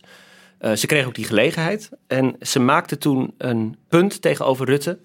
Uh, ze zei van in onze samenleving, maar ook in onze politiek zijn we geneigd om dingen snel te begraven, dingen uit het verleden. En ze verwees even naar de Holocaust-discussie die een dag eerder was gevoerd met Thierry Baudet. En toen maakte ze een link met de slavernij. En toen zei ze: Mijn moeders oma uh, heeft nog geleefd onder de slavernij. Het, het, wordt vaak afgedaan als lang geleden, iets, van, iets van heel vroeger. Maar het is gewoon nog levende geschiedenis in mijn familie. Er wordt gewoon nog over gepraat. Het is helemaal niet afgesloten. Dit om haar betoog te ondersteunen dat er herstelbetalingen nodig, nodig zijn. En dat Nederland een soort van ehm, zich moet verhouden en moet verzoenen met het, met het verleden. Maar dat was een hele lange interruptie. En ik zat op dat moment niet in de zaal. Maar ik merkte wel aan de lengte daarvan en aan de, ja, de lange stilte daarna dat dat wel een soort van indruk maakte. Ja, de Kamer was ook echt wel aan het luisteren op dat ja. moment. Het was voor haar ook wel een soort reactie, denk ik, op een gesprek eerder. Vooral D66 wilde dat het kabinet uh, wil dat het kabinet excuses gaat maken ja. voor het slavernijverleden. En Rutte vertelde daar een verhaal over waarom inderdaad het contrast met uh, Simons, waarom hij daarmee worstelde, want het was was een van zijn argumenten iets wat lang geleden heeft plaatsgevonden. En kon deze generatie daar dan nog Ja. een soort verantwoordelijkheid In voor hoeverre is er sprake van erfzonde, zeg maar? In, ja, klopt. Ja, en dan zie je dus zeg maar het verhaal van iemand voor wie het iets ver weg is. En iemand wiens overgrootoma het eigenlijk nog heeft meegemaakt. Ja, dat vond ik een eh, wezenlijk deel, maar ook een belangrijk deel in het, eh, in het debat. En eh, verder heeft bijeen dat, best, dat zich altijd heel erg als heel systeemkritisch opstelt. In tegenstelling tot bijvoorbeeld Esther Ouwehand van de Partij voor de Dieren, die dat ook doet. Vertaalde ze dat zich niet in een, in een luizende pelsachtige houding tijdens de begrotingsbehandeling verder. Tot het plan van Sophie Hermans met honderden miljoenen aan bijvoorbeeld leraren, salarissen. Waar gaat het nog meer naartoe? De verhuurdersheffing, Mhm. de verlaging daarvan. De hele Kamer stemde voor, maar bij één stemde tegen. Ja. Dus daar zit dan misschien toch nog iets van die luis in de pels Ja, eh, dat houding. klopt. Ja, dat klopt. Maar wat je, wat je niet zag, was dat zij dat heel erg vertaalde in, in scherpe interrupties. In uh, Ouwehand was daar veel Ja. actiever in. Oké, dus dit waren alle 19 eh, partijen. Dank jullie wel allemaal. Peter en Guus, fijn als jullie even blijven zitten. Het zijn twee eh, lange dagen eh, geweest eh, van de APB. Het is midden in een politieke crisis. Gebeurt allemaal. Wat houden we hier nou aan over? Met welke gedachten hebben jullie naar de APB gekeken? Petra? Ja, ik denk dat je dat, dat er eh, twee dagen lang van alles is gebeurd waarvan we pas over een tijdje weten waar we naar hebben gekeken. Het kan alle kanten op en als het dan een kant op is gegaan, zullen we zeggen, oh ja, dat begon toen bij de APB. En toen zag je al dat er toch een meerderheidscoalitie in zat bijvoorbeeld. Of dat het overduidelijk een minderheidskabinet zou worden. Of dat het toch uh, buitenparlementair zou worden. Of nieuwe verkiezingen. Ja, ja. We kunnen er alles in lezen, denk ik. Want van alles kon je aanwijzingen zien. Guus? Ja, daar ben ik het helemaal mee eens. Ik denk wel nog een andere les die ik eruit leer is dat... Uh, dan moet ik even een klein aanloopje nemen. Dat Peter en ik hadden uh, eerder deze week Kim Putters geïnterviewd... de directeur van het Sociaal en Cultureel Planbureau. En we hadden het over onvrede bij burgers. En waarom keren burgers zich af van politiek?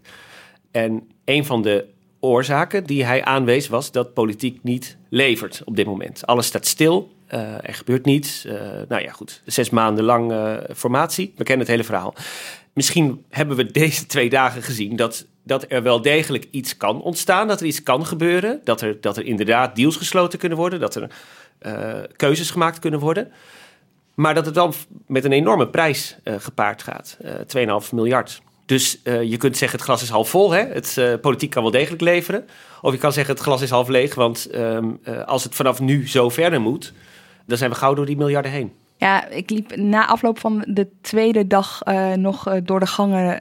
En wat je zag bij partijen was inderdaad nog een soort van idee van wat, waar hebben we eigenlijk naar zitten kijken de afgelopen dagen? Waar hebben wij zelf aan zitten bijdragen de afgelopen dagen? En wat betekent dit voor onze eigen positie? En dat gold bijvoorbeeld ook voor partijen als PvdA en GroenLinks. Uh, die deze dagen wilden gebruiken, nou, waar we het aan het begin al over hebben gehad, als een manier om te kijken, werkt zo'n minderheidskabinet? En ze eindigen met een groot plan van onder andere de VVD, waar ze in mee hebben gestemd, omdat er allemaal dingen in staan die zij in principe ook wel wilden. Want wat heeft het ze zelf nou politiek opgeleverd? Ze hebben geen idee. Dus Nee, dat is onduidelijk. En je zag ook dat ze uh, heel goed keken naar wat de ChristenUnie allemaal aan het doen was. Hè? Of die zich misschien daar toch nog aan het uh, tussenwurmen was met de oude coalitie. Wat vanaf het begin van de formatie zag je hoor, dat ze bij de PvdA en GroenLinks heel goed in de gaten proberen te houden wat, wat de ChristenUnie wel of niet wilde. Dat geeft ook aan, denk ik, hoe, hoe onzeker ze misschien nog zijn hè, bij de PvdA en GroenLinks. Uh, en Jesse Klaver wil nog steeds heel graag. Dat, ja, dat was wel duidelijk, ja. Aan het eind uh, was dat weer heel duidelijk. maar grootse politieke conclusies gaan we hier in ieder geval nog niet aan verbinden. Ik zou dat niet durven. Jij, Guus? Nee, hooguit de grote, de, de, grote conclusie moet zijn dat Rutte na twee dagen eigenlijk gewoon probleemloos deze APB is doorgekomen. Zo, zo kun je het ook nog zien. Dat, dat nemen we maar als een gegeven aan. Maar dat is toch ook wel weer vrij ongelooflijk als je ziet uh, dat we al bijna negen maanden politieke stilstand uh, situatie zitten. Dus je kunt zeggen, hij is hier, uh, hij is hier weer vrij makkelijk doorheen gekomen. Um, heeft misschien wel meer initiatief naar zich toe getrokken, dat zou ook best kunnen. Maar ik, ik, ik volg Petra wel, dat het heel moeilijk is om dat nu al heel goed te begrijpen. Dus uh, laten we ook vooral niet een poging doen. Ik wil jullie hartelijk danken. En eigenlijk de hele Haagse redactie uh, die hier de ochtend na de APB alsnog met z'n allen langs is gekomen. Guus Valk, Peter de Koning, Filip de Witwijnen, Pim van den Dol, Mark Liefse Adriaanse, Jos Verlaan, Rick Rutte en Romy Tenvelde. Redactie en productie van deze aflevering waren in handen van Henk Rijgerok van de Werven. Volgende week is Iris weer terug. Montage door Pieter Bakker. Tot volgende week.